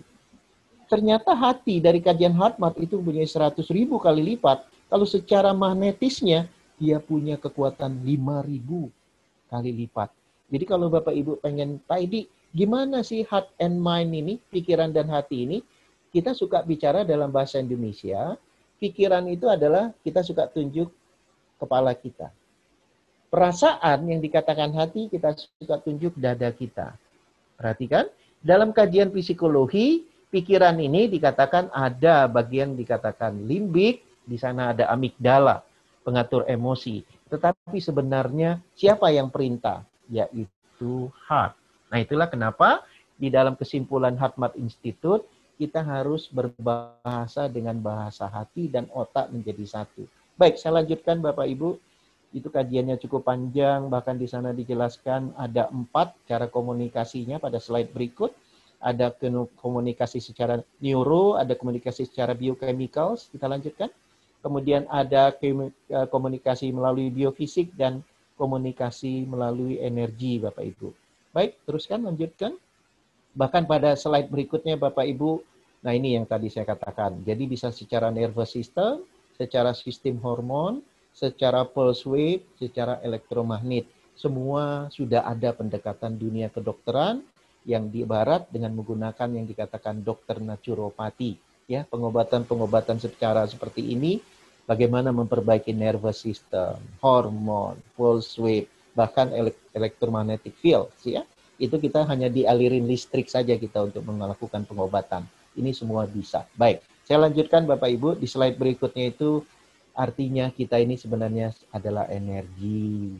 Hakikatnya kita ini seperti ini. Gambarnya kalau ini betul-betul PowerPoint, dia seperti gelombang Bapak Ibu. Ya. Nah, kita lanjutkan dan dia terukur terukur dan betul di dalam Al-Quran dikatakan di surat Al-Qamar bahwa sesungguhnya kami menciptakan segala sesuatu menurut ukuran. Itu ada di slide berikutnya Bapak Ibu. Pada slide berikutnya ini digambarkan betapa warna-warni ini itu mempunyai dikatakan spektrum gelombang, panjang gelombang. Jadi bukan hanya warna punya panjang gelombang. Bagaimana kita sehat, itu punya gelombang juga Bapak Ibu kita berada di gelombang 62 sampai 68 Hz. Tapi kalau kita sudah kena flu, COVID, nah kita sudah berada di bawah 60 menuju ke 55. Jadi Bapak Ibu, ini kita udah bicara ke metafisik. Nah itu kenapa di Cina itu dia kenalkan akupunktur. Di zaman Rasulullah itu didatangkan tabib dari Yunani dilakukan bekam. Bekam itu pun sebenarnya aliran meridian, aliran akupunktur. Karena energi itu dia harus seimbang. Karena semua ciptaan Allah itu diharapkan mizan ya, berimbang. Dia harus seimbang, tawazun, dia harus seimbang. Nah, seimbangnya bagaimana? Masuk pada frekuensinya. Karena Allah katakan apa? Sesungguhnya ya, kami menciptakan segala sesuatu menurut ukuran. Jadi terukur. Jadi Bapak Ibu kalau nanti kita ajarkan sedikit tapping, itu bagaimana kita menyelaraskan sistem energi di tubuh kita. Kalau kita tadi mengatakan kita menerima, itu bagaimana kita menyesuaikan takdir ya yang sudah Allah tetapkan untuk kita terima. Sedangkan dari kajian barat dikatakan, oh kalau Anda tidak terima, Anda siap untuk stres, Anda siap untuk depresi. Tapi kalau Anda bisa terima, Anda ambil hikmahnya, Anda akan free symptom ya. Artinya illness free. Kita tidak akan ada simptom yang dikatakan psikosomatis yang menyebabkan kita sakit. Baik Bapak Ibu perhatikan pada slide berikutnya bagaimana kita mengidentifikasi sesuatu yang dikatakan energi positif dan negatif. Bapak Ibu tinggal cek saja. Kalau kita masih banyak di sebelah kiri, kalau di kiri sebelah saya energi negatif ini. Kalau kita jadi malas, kita jadi curiga, kita jadi egois, berarti kita berada di emosi negatif. Tapi sebaliknya, kalau kita mampu makin murah hati, memaafkan, tetap yakin, percaya, bahasanya tetap santun, tadi Pak Ketum bilang tetap semangat, bersyukur, sabar. Yang saya katakan, apa kabar Bapak Ibu? Sehat, sukses, bahagia. Kita senantiasa menjadi pribadi yang takwa, akan Allah anugerahkan kebahagiaan yang hakiki dari manisnya iman. Nah, itu kita akan nikmati. Kita bekerja secara ihsan, totalitas. Kita tetap loyal dengan siapa pun, terutama kepada Allah, ya. Kemudian kita berani Kemudian kita penuh sukacita. Pak, ini COVID, Pak. Emang gue pikirin. Ya kan? COVID juga makhluk Allah kok. Tadi ada istilah bersahabat. Bersahabat aja. Kalau kita tidak menganggapnya ancaman, tubuh kita kuat. Kalau kita merasa terancam, tubuh kita lemah. Jadi santai saja. Santai tapi was pada. Tetap pakai masker, jaga jarak, keluar rumah apabila penting itu tetap. Karena di dalam Islam itu ikhtiar itu penting. Baik, saya teruskan Bapak Ibu, inilah energi positif. Nah, persoalannya ketika kita bicara ini, maka kita kenalkan salah satu tools yang dikatakan emotional freedom technique pada slide berikutnya. Perhatikan pada slide berikutnya, di sini dikatakan sesuai dengan definisinya EFT yang dikatakan emotional freedom technique Bapak Ibu, semua permasalahan yang kita hadapi dalam kehidupan hanya dua saja sebabnya satu, energi yang tidak seimbang. Kedua, adanya emosi negatif. Ya, simpel sekali ya. Kalau gitu Pak Edi, ini EFT bisa digunakan untuk apa pun. Iya. Ya, itu kenapa kita tahun ini untuk para praktisi EFT itu menggagas ada annual conference itu untuk performance. Bagaimana kita meningkatkan performance kita? Silakan daftar nanti melalui Pak Margi atau langsung ke saya atau ke panitia bagaimana kita menggunakan tools ini bukan hanya untuk sehat. Karena dalam kajian wellness itu, sehat itu apabila kita sudah menuju ke arah yang lebih positif. Tapi kalau kita dibawa nol dalam kajian wellness, yaitu yang dikatakan sakit. Nah, di sini pun digambarkan ada beberapa titik ini sebenarnya titik-titik meridian pada akupuntur, tapi kita nanti hanya diketuk-ketuk saja. Baik, maju, masukkan slide berikutnya. Bayangkan kalau kita belajar akupuntur ya pada slide berikutnya, itu titik-titiknya ada 361 titik Bapak Ibu. Sementara Anda dengan belajar EFT dikenalkan hari ini cukup dengan 7 titik atau cukup dua titik untuk kekhawatiran. Ini titik kekhawatiran ya. Ini titik kekhawatiran, ini titik bagaimana kita kalau merasa menjadi emosi ataupun menjadi tidak nyaman. Nah, kalau kita bicara tentang imun sistem, ini pun ada titiknya di sini ya. Nah, baik perhatikan. Nah, bagaimana melakukan EFT? Lanjutkan pada slide berikut. Itu ada langkah yang dimulai dengan setup ya. Nanti kita akan tapping 7 titik mulai dari titik 1 awal alis, kemudian titik 2 samping mata, titik tiga bawah mata, titik empat bawah hidung, titik lima bawah bibir, titik enam ini adalah titik yang dikatakan tulang selangka, dan yang terakhir itu adalah titik di bawah ketiak sejajar dengan puting kita. Nah, langkahnya kita tentukan masalahnya, harus jujur apa adanya, kemudian kita cek skala umpamanya sekarang. Kita cemas menghadapi COVID, itu masalah. Karena kalau tidak diselesaikan bisa munculnya malah ke fisik. Kadang-kadang orang sudah datang ke kita dengan fisik, perutnya bermasalah. Ternyata pemicunya kecemasan. Nah, ini kita selesaikan. Skalanya berapa, kemudian kita lakukan setup. Ini yang dikatakan setup. Ya, setup tolong dimasukkan ke slide berikutnya, tolong. Nah, setup itu, ya pada slide berikutnya, tolong. Nah, setup itu Bapak Ibu, itu ada langkah yang dikatakan ABC, formula ABC. Pada waktu setup, tentu kita mulai dengan basmalah, ini yang kita ketuk, karate chop, boleh kanan, boleh kiri, kita sebutkan masalahnya, apa pun masalah. Nah, dikatakan tadi, kita harus mencari meaning.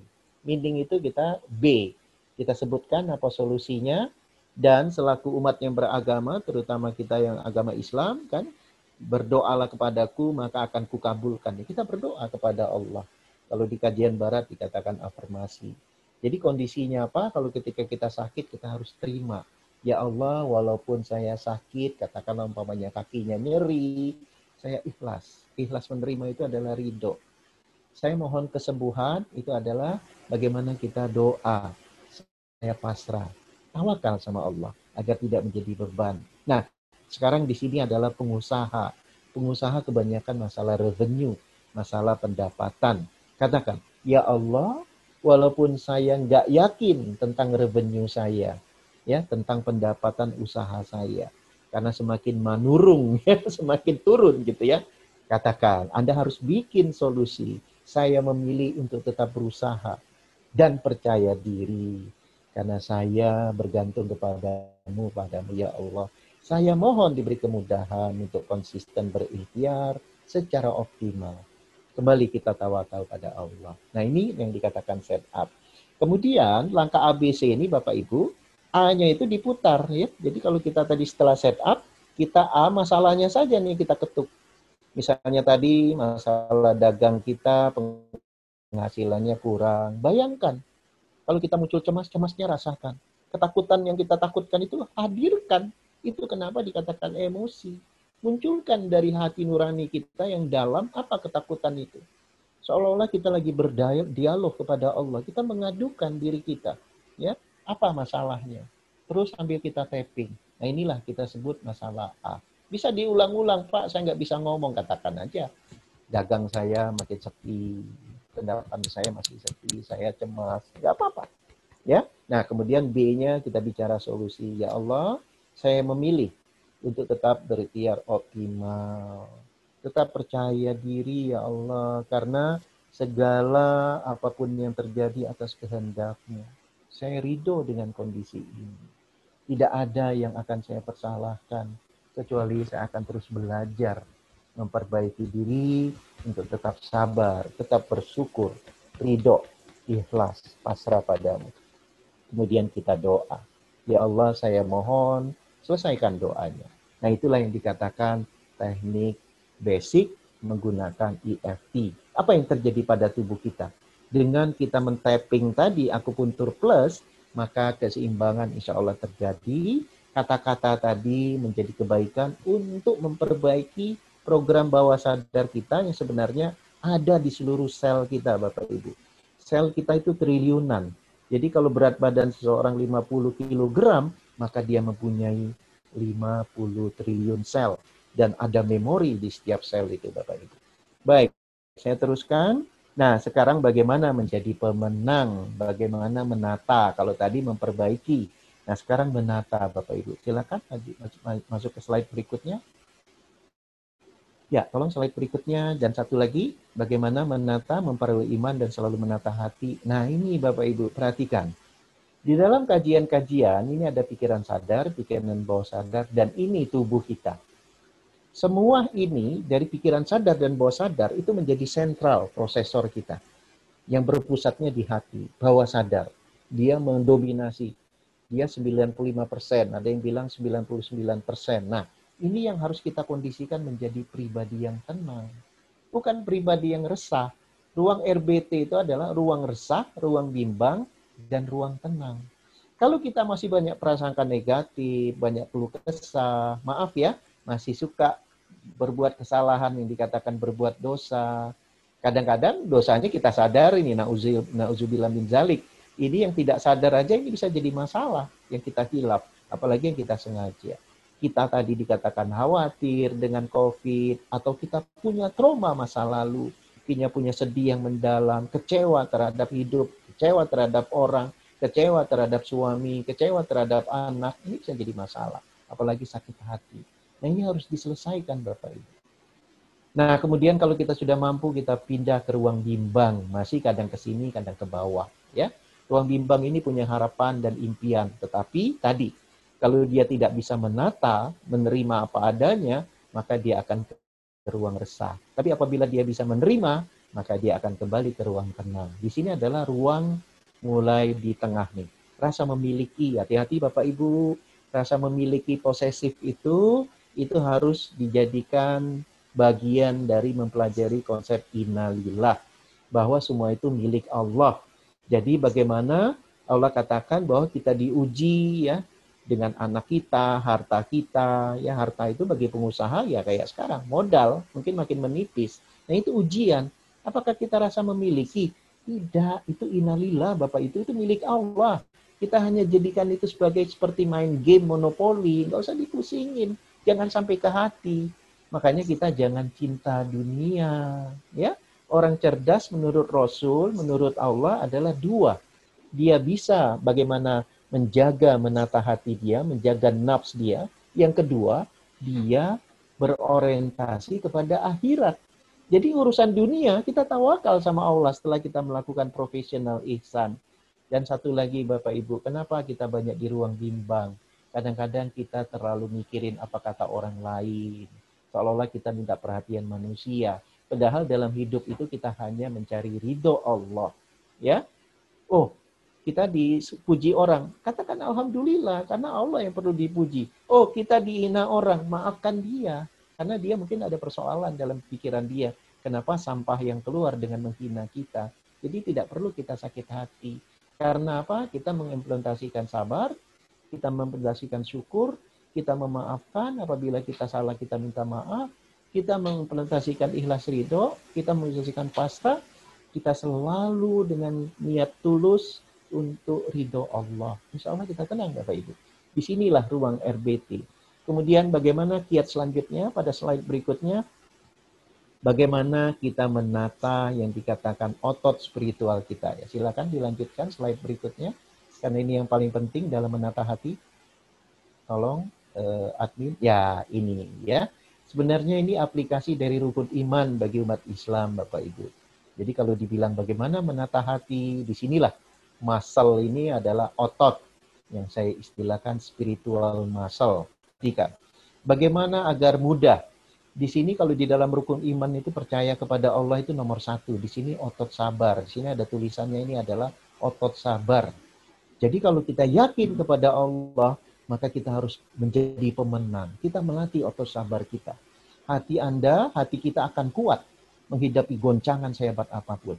Nah, ketika kita yakin kepada pribadi Rasul, mulai dari Nabi Adam sampai sekarang, itu adalah otot integritas. Karena apa? Kita tidak perlu penghargaan manusia. Catatan kita itu adalah dicatat oleh malaikat. Pribadi Rasul itu adalah orang-orang yang berintegritas. Orang-orang yang tahu bahwa segala perbuatan ihsan dia itu seolah-olah Allah melihat, dicatat oleh malaikat. Jadi tidak butuh penilaian manusia. Pak Edi, tapi kan ada target kalau di perusahaan. Iya, itu kan seperti kita main sepak bola. Skornya berapa? Masalahnya apa? Selesaikan. Tidak tidak masuk sampai ke hati ya. Satu lagi amanah. Yang kita latih adalah amanah. Ketika kita percaya kepada kitab, maka kita punya kekuatan untuk terus belajar memperbaiki diri dengan tuntunan Al-Quran, Sunnah. Kuah, apabila kita ini percaya kepada malaikat-malaikat, maka kita akan mampu memimpin dengan suasana apa pun, karena Nabi, terutama Muhammad SAW menjadi role model kita. Kita menjadi pribadi yang kuah. Kuah ini adalah pribadi yang profesional.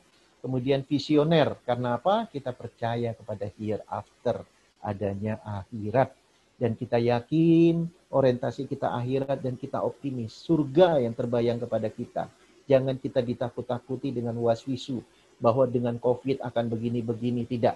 Ajal sudah ada ketentuannya. Kematian sudah ada ketentuannya. Kita melakukan yang terbaik dan kita berharap surga dari Allah. Dan yang terakhir bagaimana dengan kita yakin adanya takdir ini melatih otak syukur kita. Bagaimana menerima apa adanya. Kita ikhlas. Karena apa? Karena kita ingin hanya perhatian Allah. Baik Bapak Ibu pada slide berikutnya yang kedua terakhir tolong dimunculkan ini lebih kepada bekal ya bagaimana menjadi pribadi yang sukses dan tidak. Nah, ini tinggal kalau kita melakukan tapping kita bisa berhijrah ya dari yang negatif menuju ke positif dan begitu pun slide berikutnya sebagai slide terakhir dari saya. Slide berikutnya bagaimana ciri orang gagal dan orang sukses. Nah, hati-hati Bapak Ibu, di sini apabila kita masih terlalu banyak alasan, seperti kata ketum tadi, kita diminta kreatif, malas mencoba hal yang baru, hanya berandai-andai. Nah, uzubillah kalau kita jadi sombong tinggi hati, kalau diberi nasihat nggak mau dengar, itu contoh-contoh orang sombong ya. Iri dengan keberhasilan orang lain, menyalahkan apa pun, dan satu lagi, kita mudah marah, bahkan dendam. Nah ini kita harus selesaikan. Orang sukses adalah mampu mengakui kesalahan, terus belajar, optimis, pede, senang dengan keberhasilan orang lain, sangat menghargai orang lain, dan mudah memaafkan. Nah, bagaimana dengan cara tapping tadi? Yaitu kita harus rajin. Kalau kita sudah tahu toolsnya, selain betul ajaran agama sudah ada menata kita dari buku yang Ulumuddinnya Imam Al-Ghazali, tapi apabila Anda masih belum bisa, Anda bisa menggunakan tools ini ya. Begitu saja Bapak Ibu, yang penting kita terus latih. Selalu saya sarankan untuk terus latihan ya, latihan menata hati ini tadi. Slide demi slide coba direnungkan, dipelajari dan betul-betul kita menjadikan pribadi kita PDLT. Perbaiki diri setiap saat dan lakukan yang terbaik. Begitu saja akhirul kalam. Billahi taufiq wa hidayah. Assalamualaikum warahmatullahi wabarakatuh. Silahkan kalau ada pertanyaan.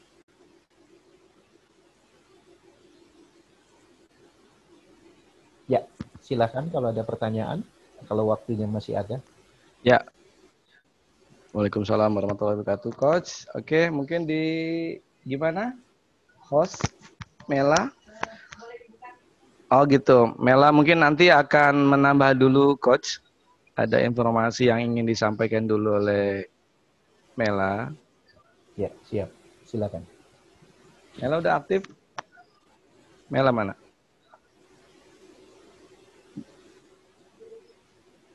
Di Mela mute dibuka. Coba Mela sendiri bisa buka.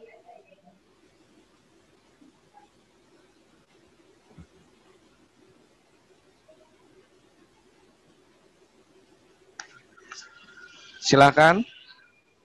Mela bisa.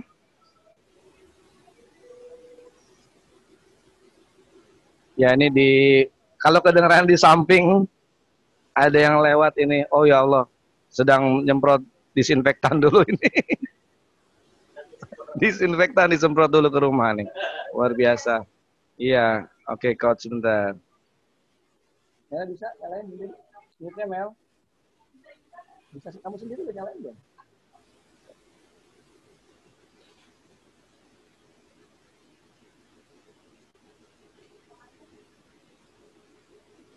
Unmute ya. Oke, silakan. Okay. Uh, eh, ada informasi dari Bu Mela dulu nih, coach. Sebentar. Ini yang mungkin minta maaf izinnya dari Coach Edi, moderator sampai lupa menceritakan, mengedifikasi Coach Edi. Ya, silakan eh, Mbak Pam. Ya, mungkin untuk peserta juga jangan ke mana-mana karena akan ada sesi pertanyaan uh, dan juga ada giveaway dari kami uh, panitia uh, dan juga sponsor. Nah, di sini uh, saya akan membacakan uh, apa namanya latar belakang uh, dokter Edi ini.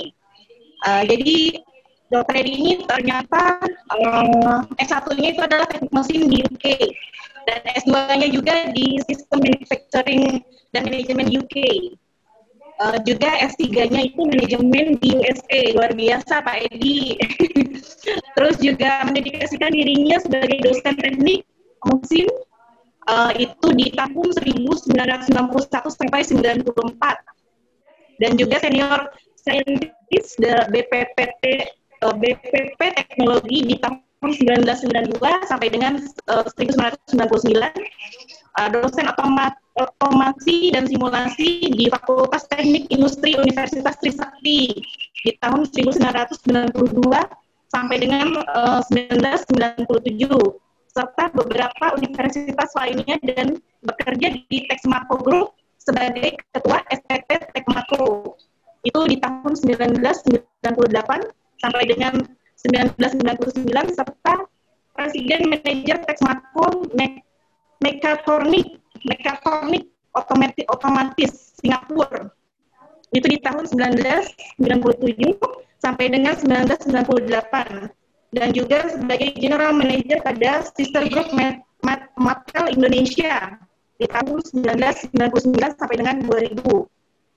Sejak tahun 2000 menjadi pengusaha dan membuat perusahaan uh, dan sebagai CEO CPM Consulting uh, bidang SDM, uh, Sistem Manufacture dan Manajemen.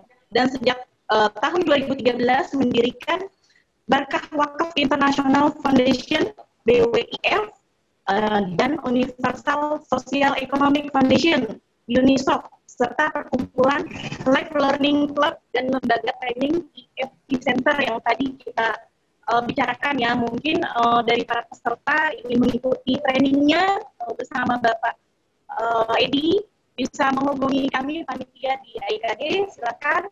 Uh, dan juga ini kita sudah dapat uh, 10 pemenang pertama giveaway um, peserta online pertama gitu ya. Jadi nanti akan saya share di chatnya. Uh, akan saya share di chatnya. Uh, selanjutnya uh, bagi penanya untuk tiga orang dipersilahkan mungkin bisa lewat chatnya, chat di Zoom ya. Ada tiga orang uh, diberi kesempatan untuk tiga orang dulu. Silakan.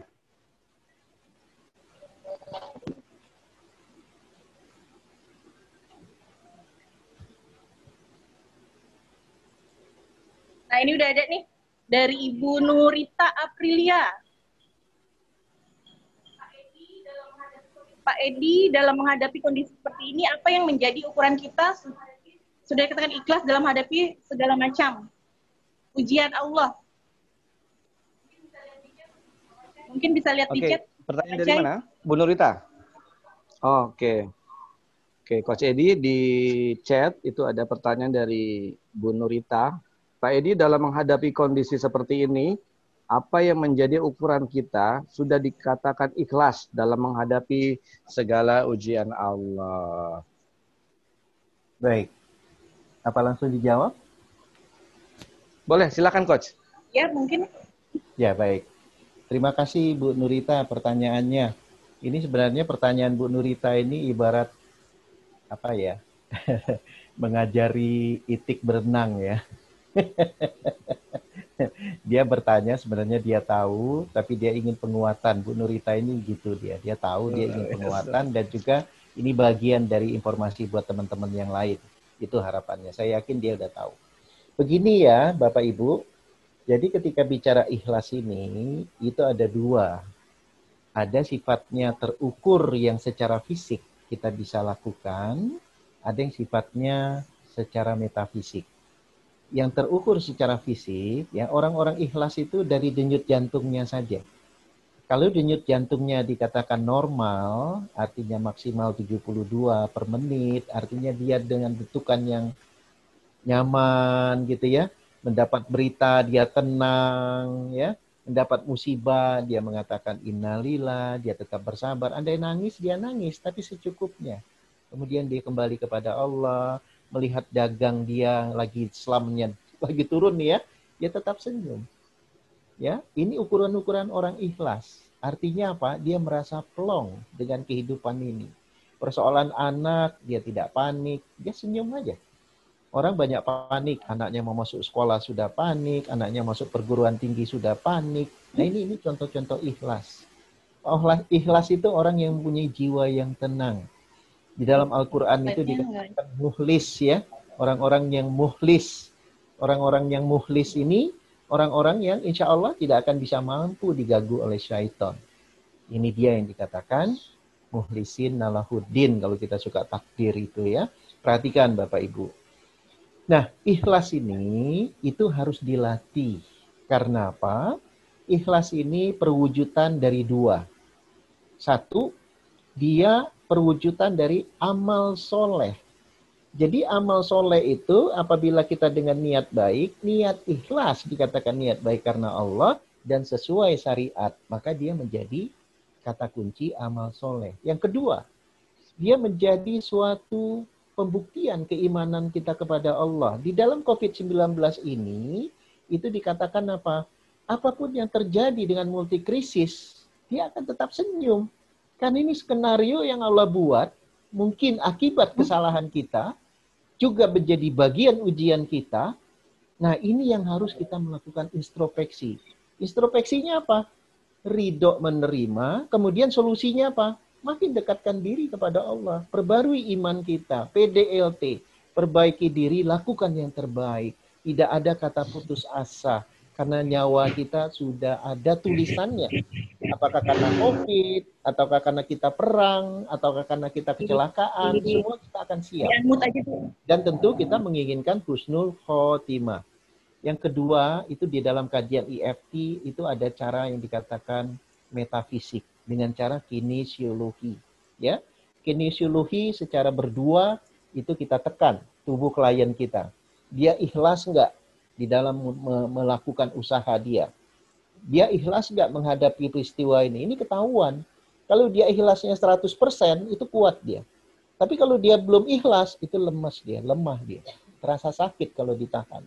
Tapi kalau dia melakukannya sendiri, itu seperti menggesek ini Bapak Ibu. Coba latihan, coba ikutin jari saya. Katakan, saya sehat. Licin nggak terasa gesekannya? Katakan, saya sehat. Kalau licin, berarti kita sudah biasa main body and soul kita secara holistik mudah. Katakan, saya sakit. Keset nggak? Saya sakit. Ya, Saya bahagia, itu licin. Tapi kalau saya sedih, itu keset. Nah, sekarang kita bisa cek. Saya misalnya begini ya, saya misalnya katakanlah perilaku saya hari ini. Saya memberikan sharing kepada teman-teman AIKD dan masyarakat sekitarnya. Saya mengatakan saya ikhlas melakukan ini. Nah ini kalau licin berarti saya ikhlas melakukan ini. Tapi kalau keset berarti saya tidak ikhlas. Coba saya katakan saya ikhlas. Saya tidak ikhlas. Ternyata saya ikhlasnya yang licin. Nah itu bisa dicek Bapak Ibu. Nah, jadi secara metafisik kita bisa cek. Karena apa? Kajian kinesiologi itu itu dalam kajian barat dikatakan energi is never lie. Energi itu tidak pernah berbohong. Energi itu adalah kekal. Nah, bagaimana di dalam kajian keagamaan Islam dan agama lainnya? Manusia itu Allah titipkan ya ruh yang suci dari sisi Allah. Kenapa ketika di dalam tubuh tidak boleh dikatakan ruh lagi, dikatakan nafs karena sudah menjadi kotor. Nafs inilah yang dikatakan pusatnya sistem energi di tubuh kita. Faktanya apa? Ketika seorang hamba Allah menghadapi kematian, ajalnya dijemput, maka ruhnya yang diambil. Sehingga tidak ada lagi kehidupan di tubuh dia. Berarti ruh itu adalah tidak akan pernah bohong. Jadi kita menggunakan kinesiologi. Kines itu adalah yang dikatakan uh, gerakan, logi itu gerakan kehidupan. Jadi kalau kita ada gerakan kehidupan, ya berarti kalau dia positif, dia kuat. Kalau dia lemah, berarti tidak positif. Nah ini Bu Nurita ya dan sahabat semua. Jadi secara umum, secara fisik kita bisa lihat. Orang yang ikhlas itu seperti apa. Secara metafisik kita bisa ukur. Karena ukurannya dengan menggunakan kinesiologi. Baik, begitu. Wallahu alam. Terima kasih atas pertanyaannya. Ya, Selanjutnya adalah Assalamualaikum warahmatullahi wabarakatuh. Saya mau bertanya dengan Coach Edi. Perkenalkan, saya owner dari Kolang Kaling Kembar. Saya mau bertanya, jika ada orang yang melemahkan semangat dan usaha kita, bagaimana kita menyikapinya? Selama ini, saya menyikapinya keluar dari grup tersebut dan menjauhkan orang tersebut. Terima kasih sebelumnya. Ini dari Bu Isna nih, Coach. Di ya. chat. Baik, terima kasih Pak Cahyadi. Ini langsung saya jawab ya. Ini dari Bu Isnani. Terima kasih pertanyaannya Bu. Ini yang bertanya semestinya dapat hadiah ya. Usul ya. Jadi Bu Isnani, apabila kita merasa ada sesuatu yang tidak nyaman buat kita, boleh saja kita keluar, tapi tidak memusuhi, memaafkan. Bila perlu kita WA, ya WA dia ya terima kasih. Ada masukan seperti itu gitu loh. Karena apa? Yang dikatakan orang ikhlas itu orang muhlis dia akan mencinta pribadi Rasul. Mencintai pribadi Rasul menjadikannya model. Menata hati itu adalah mengaplikasikan yang dikatakan satu thinking positif kedua feeling positif. Jadi kalau ketemu orang seperti itu berarti maaf ya dalam kajian EFT dia banyak sampah Ya, orang banyak sampah itu selalu saja ingin memberikan sampahnya ke orang lain. Masa kita yang terima sampah, kita jadi ikut merasakan bau itu dan kita nikmati. Kalau kita jadi melakukan permusuhan, berarti kita menikmati sampah itu. Tapi kalau kita menolak sampah itu dengan memaafkan, dengan memaafkan maka tidak ada persoalan masalah kita keluar dari grup, ya nggak apa-apa untuk menenangkan hati, namanya judulnya kiat menjaga hati, tapi nanti masuk lagi. Kita kuatkan diri kita. Kalau kita masih susah, itu tadi kenapa ada EFT. Karena berarti kita punya trauma masa lalu. Pak Edi, saya secara teori bisa. Saya sholat malam, saya minta ampun sama Allah. Tapi kok masih susah? Kita punya trauma masa lalu. Kita selesaikan, itulah gunanya EFT itu. Jadi jangankan kita, Ustadz pun banyak yang menjadi klien kita, ya, yang notabene dia juga manusia, Ustadz juga manusia, gitu loh. Ustadz juga ada pernah sakit hati, nah itu jadi trauma. Sekarang dia tidak sakit hati, tapi trauma masa lalu dia yang membuat dia agak susah. Nah inilah yang saya katakan, itu kenapa tadi sempat kita ajarkan tujuh titik, seingat saya ini kan direkam ya, bisa dilihat ulang gitu ya, atau bisa ikut pelatihan kita. Ini kebetulan, bukan kebetulan, tidak ada kebetulan di dalam kehidupan, itu kita nanti ada workshop tanggal 19-20 ya, 19 dan 20 minggu depan besok ini. Nah itu bisa nanti ditanyakan melalui uh, panitia atau langsung ke kita nanti. Baik, itu jawabannya Bu Is Isnaini ya. Kesimpulannya adalah dua. Satu, terima itu sebagai suatu takdir kepada ibu sebagai uji kesabaran ya dengan apa? Menerimanya memaafkan. Ya menerima kemudian meaningnya apa? Memaafkan. Pak Edi dia masih begitu. Ya doakan ya. Jadilah pohon yang menghasilkan buah dan ketika pohon itu dilempar, buahnya itu yang akan turun, bukan lempar malah ikut melempar ya. Nah, itu yang dikatakan di dalam surah Ibrahim itu kalimat toibah. Ada satu pohon yang Allah umpamakan adalah akarnya menjulang ke tanah karena tauhidnya yang kuat kepada Allah, dia e, tumbuhnya lebat, menghasilkan buah yang manis, bahkan setiap musim ya kalau lihat tafsirnya itu di kalangan sahabat menafsirkan itu adalah pohon kurma.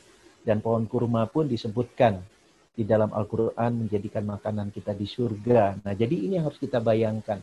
Jadilah pohon yang rindang, yang buahnya manis, sehingga ada tindakan apa-apa pun kita cepat istighfar dulu. Karena untuk cepat bereaksi itu hanya lima menit. Dulu kajiannya tujuh menit. Tapi belakangan ada penulis kita hanya five second bagaimana kita mengontrol diri kita dalam 5 second, 5 detik, bukan 5 menit maksud saya. 5 detik. 1, 2, 3, 4, 5. Cepat istighfar, lakukan respon. Jangan kita jadi marah, jangan kita jadi dendam. Wallahu alam. Ya, berikutnya coach, ini adalah pertanyaan ketiga atau pertanyaan terakhir ya. Nah, di luar rumah nih lagi ada penyemprotan organik disinfektan. Mungkin agak sedikit agak sedikit berisik kedengaran mungkin ya.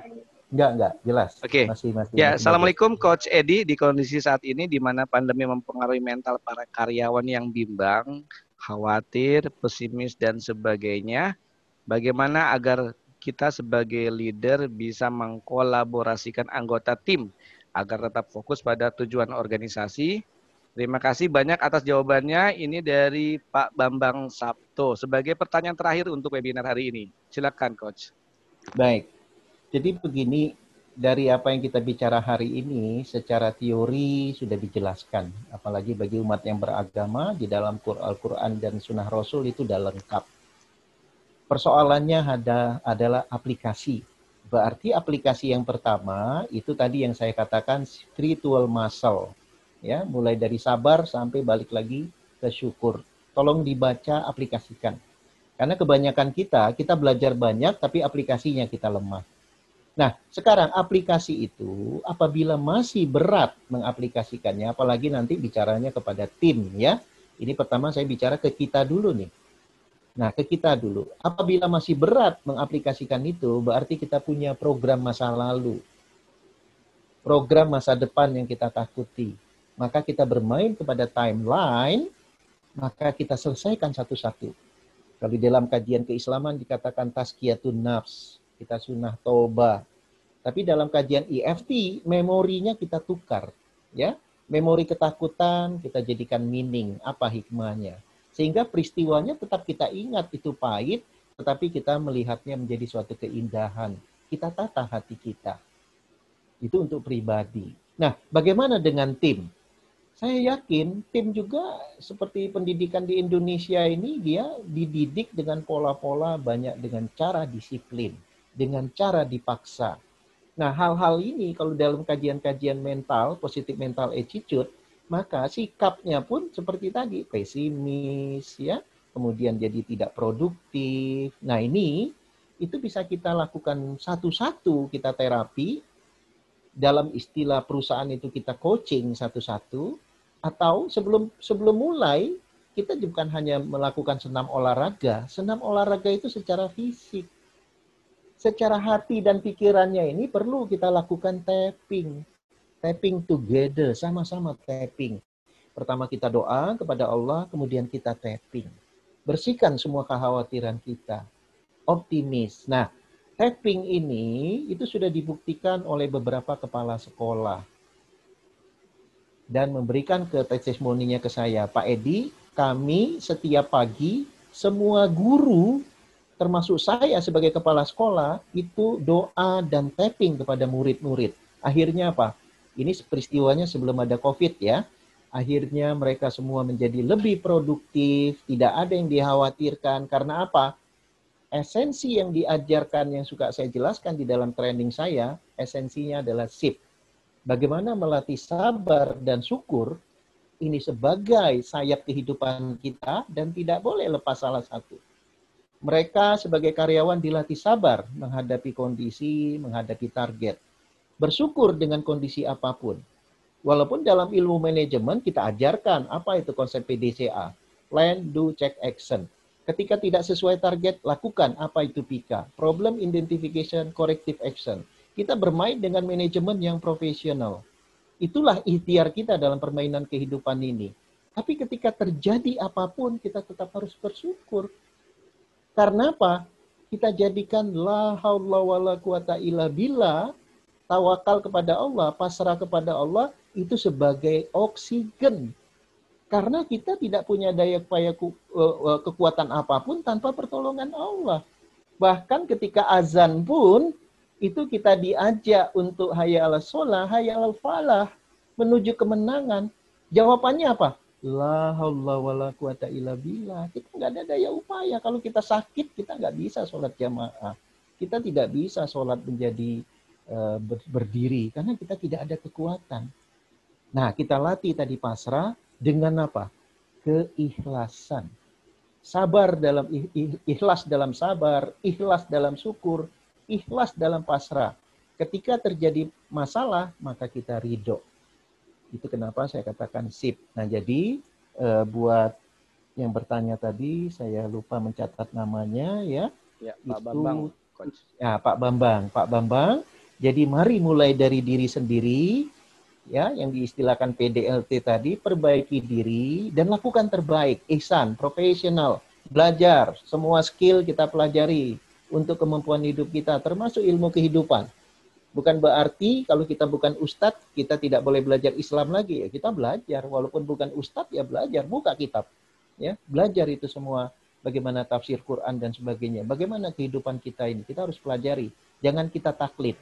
Jangan kita bilang apa kata ustadz.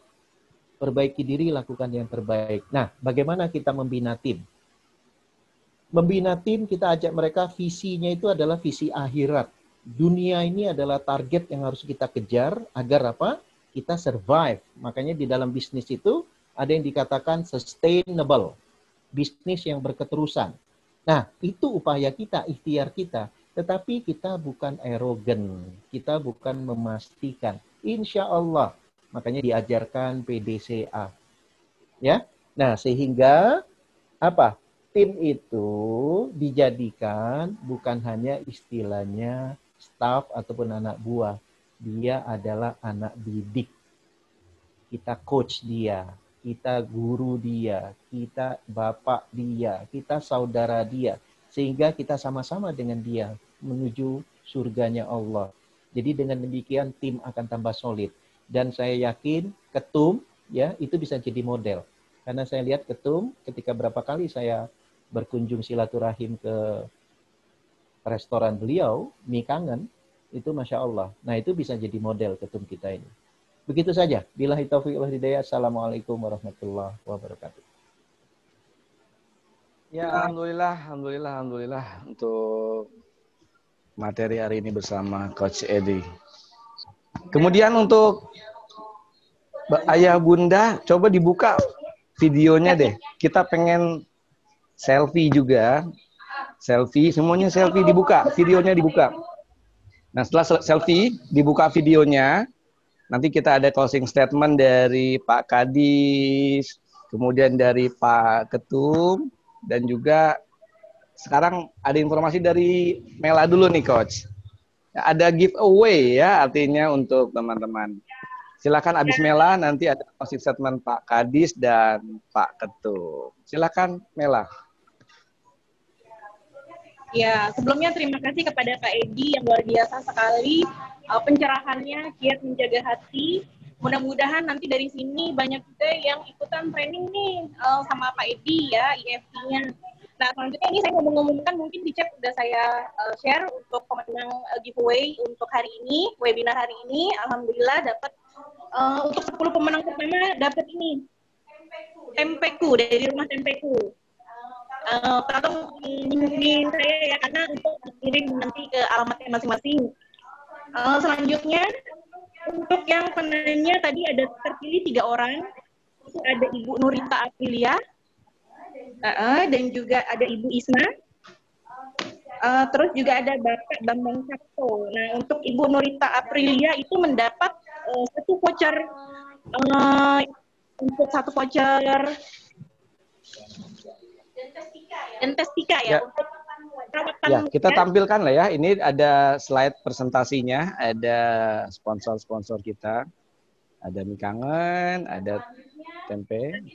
Ini dentis. Mungkin ini Oke sebentar bisa. Silakan. Ini dulu ya. Untuk tadi Ibu Norita mendapat kamu kena dari Salsabila. Salsabila ya. sudah nanya tadi. Selanjutnya untuk Ibu Isna itu dapat um, ini juga uh, salah satu bilanya uh, plus dapat voucher dari Dentastika untuk perawatan wajah. Itu senilai voucher ribu. Nah, terus juga Ibu Isna juga mendapatkan uh, Latte plus voucher uh, Dentastika juga senilai seratus ribu rupiah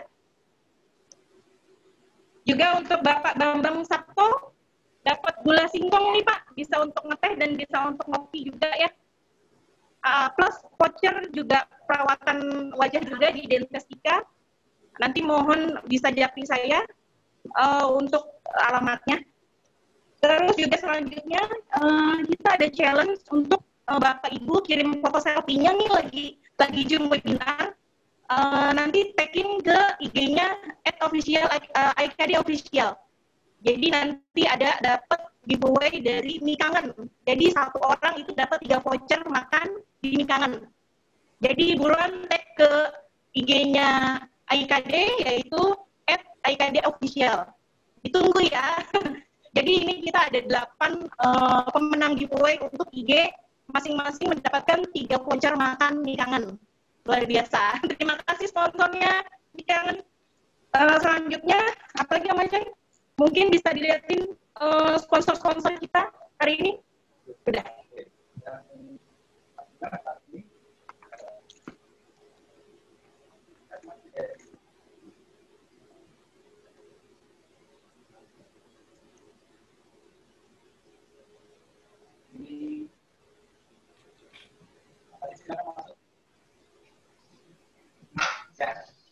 Kali untuk closing statement hari ini?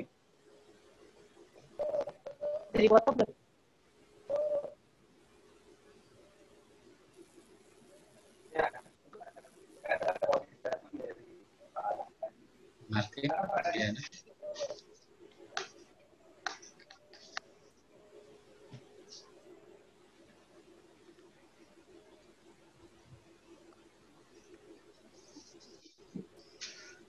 Pak Kadi silakan, dipersilakan. Belum nggak kedengeran kayaknya dia.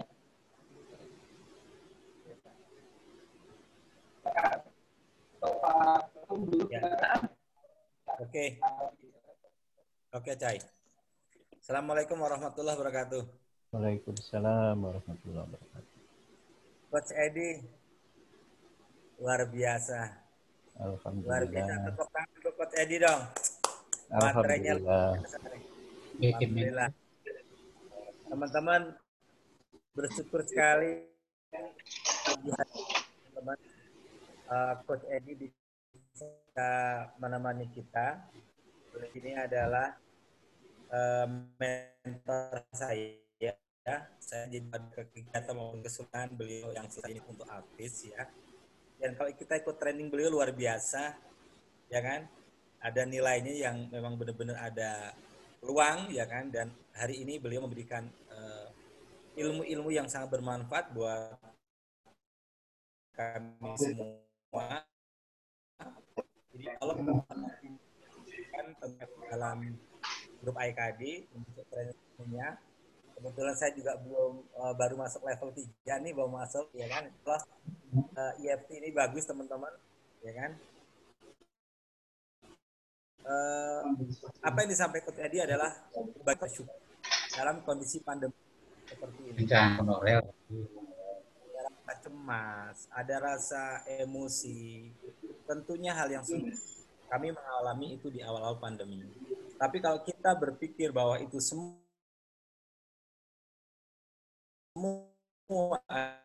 adalah bagaimana menjadi pemenang. Kita akan menang. Kita akan menang dan kita akan apa pun yang terjadi, selama kita masih mampu bersujud, insya Allah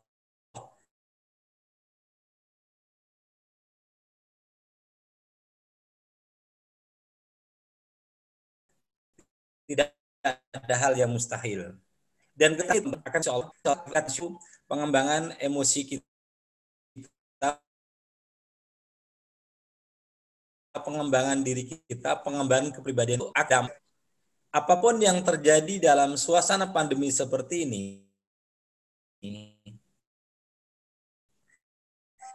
kita harus. Intinya sama. Mereka juga dalam masalah yang